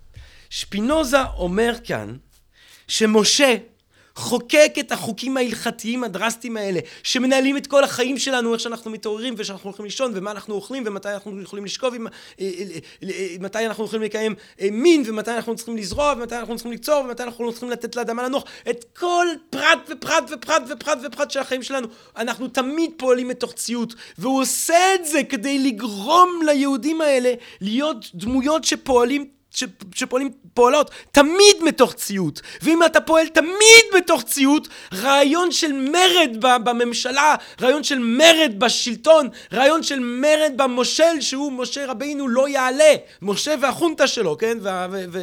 ואהרון וכל החבורה והלוויים והמקדש וכל המאפיה שם למעלה הון שלטון! הון שלטון! הון שלטון משה רבינו זה מה שאומר כאן שפינוזה. אבל תראו איזה תיאור רדיקלי איך שהוא מתאר את ההלכה, ההלכה שנתפסת כמפתח הקיומי שהיהדות מציעה, אה, אה, ההלכה שעליה אנשים היו מוכנים למות בקידוש השם, ההלכה הזאת שאותם יהודים אנוסים שממנו הוא עצמו שפינוזה צאצא, רק קיוו לחזור אליה מתישהו, הוא מתאר אותה ככלי של דיכוי פוליטי. משה שנתפס בדרך כלל כמי שמשחרר את העברים ממצרים. הוא, הוא מצטייר כאן כמי שהפך עבדות מצרית חיצונית לעבדות פנימית הרבה יותר רדיקלית. הרי אני תמיד כאן אומר ששפינוזה הוא פסיכולוג דגול. אז אפשר לדבר על המצב הפסיכולוגי הזה שההלכה הזאת גורמת אליו. זה מזכיר לי תופעה שקראתי עליה שקוראים לה learned helplessness, learned helplessness, כן זה איזושהי הרפתקה אמריקאים שם בגואנטנמו ביי, אה, אה, אה, בחלק מהעינויים שהם פיתחו כדי אה, אה, אה, לדכא את, ה, את האסירים שלהם, כן, אה, אה, הם הצליחו בעקבות ניסויים, כן, שהראו שאפשר לעשות את זה עם כלבים, אז הם כמובן ניסו לעשות את זה על בני אדם, הם ראו שאפשר להסיר מבני אדם, אם אתה עובד עליהם באופן שיטת, עם שיטות מאוד מסוימות, אתה יכול להסיר מבני אדם את עצם האפשרות לפעול לפעול אה, באופן עצמאי, עצם האפשרות לבחור מה תעשה. אה, ומה שקרה זה שחלק הרי מהאסירים האלה השתחררו, כי בסך הכל מדובר של לבן דוד של האחיין של איזה אחד, והוא היה איזה רבע שעה נהג של מישהו שהוא הבן דוד של בן לאדן, אבל אין לו באמת שום קשר לשום טרור, סתם איזה אומלל ש, ש, שנולד למקום הלא נכון באפגניסטן, והופ, לפני שהוא יודע, הוא מוצא את עצמו גואנטנמו ביי! ושם עושים לו את הדבר הזה, מובילים אותו ל-learn helplessness, כן, מובילים אותו למצב הזה, ואז כשהם משתחררים חזרה באנגליה זה היה, כי קראתי את זה בגרדיאן נדמה לי, אז מטפלים בהם בטיפול שמקנה להם מחדש את האפשרות לבחור. כן? אומרים להם, האם אתה רוצה לשתות תה, או האם אתה רוצה לאכול ארוחת צהריים? האם אתה רוצה ללכת לראות סרט, או האם אתה רוצה אה, אה, אה, אה, אה, לצאת לטיול? האם אתה רוצה אה, לאכול ספגטי, או האם אתה רוצה אה, אה, אה לאכול, אה, אה, אה, אה, אני יודע מה, סלט היום בערב? באופן לאט לאט מקנים מהם, להם מחדש את האפשרות לפעול באופן עצמאי, כן? כי זה אפשרות, זה משהו שאפשר להסיר אותו ממך. זה מה שההלכה של משה באה לעשות. להצ... ב... ב... ב... מתוקף זה שבני אדם תמיד יפעלו מתוך ציות לחוק, שהוא כאילו החוק של אלוהים, אבל הרי בעצם זה החוק של משה, אומר שפינוזה. בגלל זה שהם בעצם כל הזמן מצייתים לאותו חוק, הם לא יכולים כבר לפעול באופן עצמאי. זה קים ג'ונג און, אם תרצו. זה צפון קוריאה! כן, למה, איפה עוד אנחנו מכירים חוק כזה נגיד היום? בצפון קוריאה! איפה מגדירים אה, מתי אתה קם ומתי אתה הולך לישון ולמה להסתפר ואיך, זאת אומרת, איך להסתפר בדיוק, כן, איזה סוג של תספורת מותר. למה בצפון קוריאה כל כך חשוב לקים ג'ונג און ולקים ג'ונג איל, לאבא שלו וזה, למה הם פיתחו את, את, את החוק הדרסטי הזה שאומר לך איך להסתפר ומה לעשות ואיך לקום וזה? כי מרוב שאנשים שם, המוללים האלה פועלים מתוך ציות מתמיד, לא בכלל, זה, זה, זה, זה, זה, זה לחלוטין ממית עצם האפשרות למרוד במשהו, כי אתה תמיד רגיל לפעול מתוך ציות, אתה כבר מאבד את היכולת לפעול באופן עצמאי. וככה שפינוזה מתאר את ההלכה. באופן אולי הכי אכזרי, התיאור הכי חסר כל, כל חמלה לדבר הזה. זה תיאור נורא. משה שנתפס כגיבור גדול, כסוג של, כמנהיג מיתולוגי שמתלווה איתנו במאות שנים, סוג של סנטה קלאוס, סוג של שמעון פרס נצחי, שרוחו מנהיג את העם היהודי, הופך פתאום לפוליטיקאי מתוחכם מאוד, גאון פוליטי, אבל גאון פוליטי של דיכוי. עכשיו מילא אותם אנשים קיימו את אותו חוק, למשה עוד היה לזה היגיון פוליטי כי הוא רוצה להקים רימונות עם חבורה של עבדים אז אתה חייב להחזיק אותם קצר את עם שעורף. והוא אכן הצליח לכונן מדינה ריבונית שהחזיקה מעמד מאות שנים וזה דבר מרשים מאוד אבל הדבר המטורף אומר שפינוזה זה שאנשים ממשיכים לקיים את ההלכה הזאת למרות שבכלל אין כבר את המדינה הזאת זאת אומרת הם ממשיכים להזיק לעצמם הם ממשיכים כמו שהוא אמר בסוף פרק שלוש לרכך את אה, נפשיהם ללא שום סיבה זה כאילו שהצפון קוריאנים ימשיכו לקיים את החוקים המשוגעים של צפון קוריאה אלף שנה אחרי שהמדינה הזאת כבר תתפרק. לכן שפינוזה הוא אנטי משה. משה לא ראה את פני האל, משה ראה את פני ה... משה ראה את פני השלטון. משה ראה את מה שצריך לעשות כדי לשלוט על היהודים האלה. והוא הצליח הרבה מעבר אפילו לציפיותיו. שפינוזה הוא זה שרואה את פני האל. שפינוזה הוא זה שרואה באתיקה את פני היקום כולו. על כן הוא האנטי משה, גבירותיי ורבותיי. אז מה היה לנו כאן? מה היה לנו כאן בפודקאסט? היה לנו את סיפורו של אחד הפילוסופים הדגולים שהאנושות אי פעם זכתה להם. היה לנו את הסיפור של ברוך שפינוזה, ברוך המבורך, ברוך שהתורה שלו, כמו שראינו אותה באתיקה, מובילה אותנו לגאולה של הנשמה ושל הנפש, שמובילה אותנו לסוג ההכרה השלישית, שבו אנחנו מבינים את עצמנו כגל באוקיינוס שהוא אלוהים או הטבע, שבו אנחנו שותפים אקטיביים בסופו של דבר לאהבה האינסופית שאלוהים, שאלוהים אוהב בה את עצמו. וראינו גם את ברוך הכופר, את ברוך שאני חושב שעכשיו יהיה ברור לכולם למה כשב-2012 התארגן לו איזשהו פאנל של חוקרים ומומחים ומנהיגי דת של הקהילה של אמסטרדם אמרו לא לא לא החרם הזה תקף וממשיך להתקיים כי אני חושב ששפינוזה לכל מי שרגיש פה לסיפור שאנחנו מספרים אנשים יבינו עד כמה הכפירה שלו חריפה עד כמה שהביקורת הביקורת שלו חריפה, עד כמה שהתיאור שלו את ההלכה הייתה צריכה להיות מטלטלת מוטלת לאותם יהודים שלא עמדו בפיתוי וכנגד מה שהיה כתוב בחרם הלכו וקראו את שפינוזה. עד כמה מזעזע התיאור הזה. הוא, הוא, הוא ליהודים אז וליהודים בעלי שרואים בהלכה משמעות עמוקה קיומית. גם היום הדבר הזה הוא מזעזע. גם אם עברו מאז 300 כ-350 שנה איזה כוח יש לדברים האלה. זה, אני תמיד אומר על הפסקה הזאת שהקחתי שהיא יריית הפתיחה של הפילוסופיה היהודית המודרנית, כי כל פילוסוף יהודי אחרי שפינוזה בעצם ינסה גם לענות לו, גם להסביר לו למה ההלכה היא ראויה, ולמה ההלכה היא דבר שכן הוא מוביל לאלוהים למרות מה ששפינוזה עשה. כי, כי, כי זה לא סתם פרובוקציה, יש פה טיעון די משכנע, יש פה מבט של, של, של משה כמנהיג פוליטי, ופתאום כשאתה מתחיל לחשוב עליו כמנהיג פוליטי, אז דברים נראים אחרת. אחרת לגמרי. יש פה בעצם, אם תרצו, חתירה מתחת אה, אה, למובן מאליו, אתגור של המובן מאליו, זעזוע מפרשנויות מסורתיות, אה, כדי לאפשר חשיבה חדשה, אה, חככנית, וכחנית, שחותרת מתחת למוסכמות הדתיות, ופותחת צוהר לעולם חדש, לעולם חילוני, ששפינוזה הוא ממש האוונגרד שלו. פילוסופיה ביקורתית במיטבה, פילוסופיה מפרקת את המוסכמות אה, אה, במיטבה, ויש פה גם פילוסופיה מרוממת תודעה, אה, אה, מרוממת רוח במיטבה, יש פה פילוסופיה כמו שאנחנו אוהבים אותה, עסיסית, מלאת גאונות, מלאת אה, חתכנות, מלאת נשגב, מלאת גאולה, מלאת פליאה לעצם היש. ברור שפינוזה גבירותיי ורבותיי! זה היה הפודקאסט על ברור שפינוזה. אני מודה לכם מאוד על ההקשבה. אני מודה לכם מאוד מאוד מאוד על הקשבה. אני מקווה מאוד, ש... אני מקווה מאוד שנהניתם מהפודקאסט הזה, מכל הפודקאסטים שכבר אה, אה, אה, הקלטנו, מהפודקאסטים שאנחנו עוד מקווים להקליט, ואולי אפילו, אתה יודע, אולי אם יזדמן, ואם יהיה בזה עניין, ואם תכתבו לנו ותרצו, אז אני גם אולי אקליט פודקאסט על אחד מהפילוסופים היהודים שמנסים להגיב לשפינוזה, אם זה מעניין מישהו, או, או, או תרגישו חופשים גם לכתוב, ואנחנו, אני יכול להמליץ לכם, כן, מי שנורא רוצה לקרוא את תגובת הנגד לדבר הזה, אז אני אמליץ לכם מה לקרוא, יש את הרמן כהן, יש במנדלסון, אה, יש בכל מיני מקומות אחרים, אבל על כל פנים אני מקווה שנהניתם היום מהפודקאסט, אני מקווה שתקשיבו אה, לפודקאסטים האחרים שעשינו, ואלה שעוד נעשה. תודה רבה על ההקשבה, כל טוב ונשתמע. פודקאסט, פודקאסט, פודקאסט.